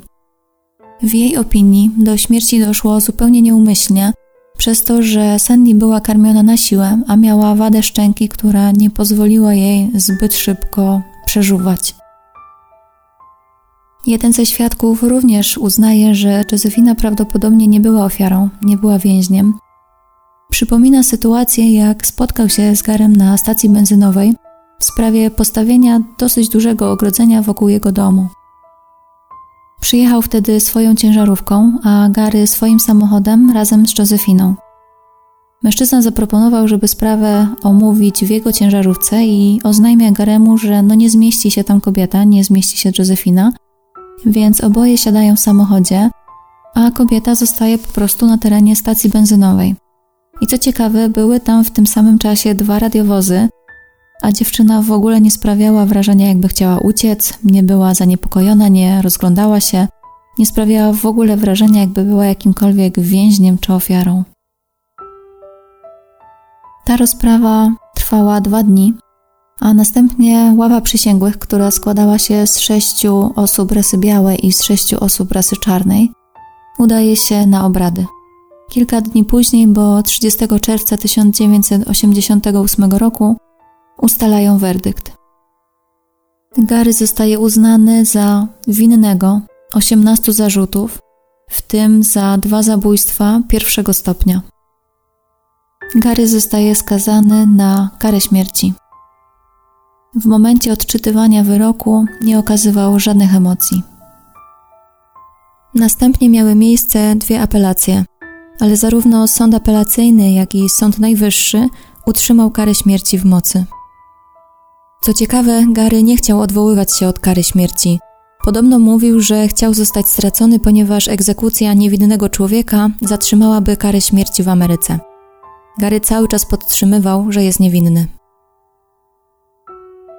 Peruto, czyli jego obrońca, musiał zastosować się do życzeń swojego klienta i nie mógł nic zrobić, by zablokować w jakiś sposób egzekucję. W czasie jednego wywiadu powiedział jednak również, że Gary miał swoje powody, żeby nie odwoływać się od wyroku. Twierdził, że Gary obawiał się, że skoro jest rasy białej, a zabił kobiety, które były rasy czarnej, i że odbywanie kary będzie tak naprawdę dla niego piekłem. Biorąc pod uwagę, że wyobrażał sobie, jak będą traktować go inni więźniowie, czyli mieć taką perspektywę, że codziennie będzie przeżywał katusze, versus kara śmierci, czyli no, dosyć szybkie zakończenie swojego życia, ale ta gehenna nie trwałaby długo, wybrał karę śmierci. Całe to odwoływanie się od wyroku nastąpiło przez działania jego córki. Była młoda, miała około 20 lat i działała aktywnie w stowarzyszeniu, które przeciwstawiało się karze śmierci. Powoływała się na to, że jej ojciec jest chory psychicznie i nie powinien stracić życia, a być umieszczony w szpitalu psychiatrycznym. To stanowisko popierała również Betty, była żona Garego i jej matka. Odpowiednie sądy stanęły jednak na stanowisku, że Gary jest w pełni zdolny do podejmowania swoich własnych decyzji, takich, które mają skutki prawne, czyli coś na zasadzie, że jest zdolny do czynności prawnych, więc jego córka nie może stanowić za własnego ojca, a więc nie może skutecznie odwoływać się od jego wyroku. Skoro obrona miała, no można by było powiedzieć, dobre dowody, które udowadniałyby, że Gary jest osobą niepoczytalną, a historię jego hospitalizacji i problemów psychicznych. Dlaczego zatem został uznany za poczytalnego i skazany na karę śmierci? Argumentów było kilka. Jeden już znacie, czyli fakt, że Gary był na tyle świadomy, żeby uzbierać bardzo dużą kwotę pieniędzy grając na giełdzie, a granie na giełdzie wymaga jednak dosyć dużych umiejętności, co pod przysięgą potwierdzał nawet jego doradca finansowy. Po drugie, istotne jest, jakie ofiary wybierał Gary. Były to kobiety, które raczej z natury są słabsze od mężczyzn. W większości były to prostytutki, czyli osoby, których raczej społeczeństwo nie szuka i o których nie mówi się za wiele, ale przede wszystkim były to osoby o różnym stopniu ułomności psychicznej. Były zatem dużo bardziej uległe. Sugeruje to, że wybór nie był przypadkowy, a bardzo dobrze przemyślany. Gary starał się również bardzo dobrze zacierać ślady swoich działań, zwłaszcza m.in. wysłany list, który Sandy miała podpisać, że nie wraca do domu. Nie wiem, czy pamiętacie, ale bardzo zadbał o to, żeby wszędzie były jej odciski palców, a ponadto wysłał go specjalnie z innego stanu, żeby jeszcze bardziej uwiarygodnić, że Sandy naprawdę odeszła z własnej woli. Oprócz tego bardzo dobrze również maskował krzyki dziewczyn, włączając bardzo głośną muzykę, ale także sam fakt tego, że okna były zakratowane, to też świadczy o tym, że to wszystko było skrupulatnie zaplanowane. Dziurę w piwnicy przecież wykopał już w poprzednim domu, były to chyba przymiarki, chociaż niektóre źródła sugerowały, że już wtedy były jakieś ofiary, ale nie były podane żadne szczegóły, więc trudno jest mi się o tym wypowiedzieć. Samo założenie, zarejestrowanie swojego kościoła też nie należy do prostych czynności. Trzeba wiedzieć, z jaką administracją albo biurokracją trzeba się zmierzyć, trzeba wszystkie wnioski wypełnić prawidłowo, dobrze to wszystko prawnie ogarnąć. No i cała koncepcja tego kościoła przecież też była po to, żeby ominąć podatki. Wydaje się zatem, że osoba musi być no, dosyć dobrze oczytana, w miarę świadoma, żeby móc całe takie przedsięwzięcie zrobić. I mimo, że niektórzy psychiatrzy wypowiadali się, że jeśli ktoś cierpi na schizofrenię paranoidalną, to wcale nie wyklucza to racjonalnego postępowania i kompetencji, to jednak w przypadku Garego tak nie było. Gary nie postrzegał ludzi jako osoby, jako osobny byt, tylko coś innego. Tak jakby sprawiał, że ludzie w jego oczach byli po prostu obiektami. A tego typu myślenie istotnie zaburza kompetencje, jeśli chodzi o życie w symbiozie i współdziałanie z różnymi ludźmi. Ale mimo takich, a nie innych opinii, wszystkie sądy jednak podjęły decyzję, że inne argumenty przemawiają za tym, że Gary był osobą poczytalną i kara zapadła taka, jaka wiecie. W końcu nadchodzi ten dzień, czyli 6 lipca 1999 roku, kiedy ma być wykonana kara śmierci. Gary tego dnia był bardzo spokojny i współpracował ze strażnikami, Większość popołudnia spędził w ciszy, albo leżał sobie w łóżku, albo chodził po pokoju, a kiedy dostał możliwość oglądania telewizji albo radia, wybrał, że chętnie posłucha muzyki. Wybrał muzykę country. O godzinie 16.45 został przez strażników zabrany na teren odwiedzin do specjalnego pomieszczenia, gdzie spędził godzinę razem z córką. Następnie zjadł swój ostatni posiłek, Zażyczył sobie dwa kubki kawy i dwa kawałki pizzy. W końcu został oddelegowany do sali, w której miał zostać wykonany wyrok. Jego egzekucję oglądało wielu świadków, a wśród nich były cztery jego ofiary. Zakładam, że pewnie kobiety przetrzymywane w piwnicy, ale być może również jakieś osoby, które wcześniej były przez niego pokrzywdzone. W każdym razie przebywali oni w całkiem oddzielnym pomieszczeniu, które było niewidoczne również dla innych świadków. Kilka minut przed 22 Sąd Najwyższy zawiadomił kancelarię gubernatora, informując, że nie będzie interweniował w sprawie wyroku. W efekcie Gary zostaje pozbawiony życia przez śmiertelny zastrzyk, a jego zgon zostaje potwierdzony około godziny 22.30. W związku z tym, że nie miał żadnych ostatnich słów i nie dał żadnych instrukcji, co chciał zrobić ze swoimi szczątkami, został poddany kremacji. W chwili śmierci miał 55 lat. Kiedy trwały przygotowania do egzekucji, sprowadzono dodatkowych strażników i policjantów, którzy mieli zajmować się protestami, jakich się wtedy spodziewali. Wydzielono dwie niezależne strefy jedną dla protestujących, którzy chcieli, by Gary stracił swoje życie, a drugą dla tych, którzy tego życia bronili. I jak cała egzekucja była bardzo cicha i spokojna, tak na protestach już działo się dosyć dużo. Przyszło mnóstwo ludzi, którzy skandowali, żeby Gary w końcu zginął. Emocje wrzały, było mega głośno, ale z drugiej strony był też przecież ten drugi protest. Pojawił się na nim młody student, jedna osoba, która trzymała tabliczkę z napisem Stop hipokryzji. A późniejszym wieczorem pojawiły się jeszcze dwie kolejne osoby. Sprawa Garego jest bardzo głośna w Stanach Zjednoczonych do dzisiaj, natomiast widzę, że na polskich kanałach True Crime ta sprawa nie jest zbyt mocno popularna, więc mam nadzieję, że ten odcinek to było dla Was coś świeżego i nowego. Zachęcam również do tego, żebyście spojrzeli do źródeł. Tam możecie odnaleźć informacje o tym, co dalej działo się z kobietami, które były przetrzymywane przez Garego w piwnicy. W szczególności informacji jest najwięcej y, odnośnie Józefiny i Lisy. Jest tam również wywiad z Józefiną. Często mówi się, że Gary był tak naprawdę pierwowzorem do napisania powieści Thomasa Harrisa Milczenie owiec. Bohater, który miał na imię Buffalo Bill, podobno był wzorowany właśnie na historii i na postaci Garego. Powstało również bardzo dużo piosenek, które nawiązują do historii Garego. Większość z nich zawiera w swoim tytule albo Gary, albo Gary Heidnik, albo Heidnik, albo House of Horrors. No wszystko to, co jakby może się nam bezpośrednio skojarzyć z tą historią. Jeden zespół w 2018 roku współpracował nawet z liderem zespołu Korn i stworzyli wspólną piosenkę i teledysk, który jest zatytułowany właśnie imieniem i nazwiskiem naszego dzisiejszego antybohatera. Zastanawiam się, jak wy podchodzicie do tego, czy Gary powinien zostać skazany na karę śmierci, czy jednak być e, uznany za szalonego i pozostawiony pod opieką psychiatrów w szpitalu psychiatrycznym. Chyba skłaniałabym się do tego, że faktycznie działał racjonalnie i mimo swoich chorób powinien ponieść konsekwencje tego, co zrobił. Natomiast bardzo zastanawia mnie postać Józefiny.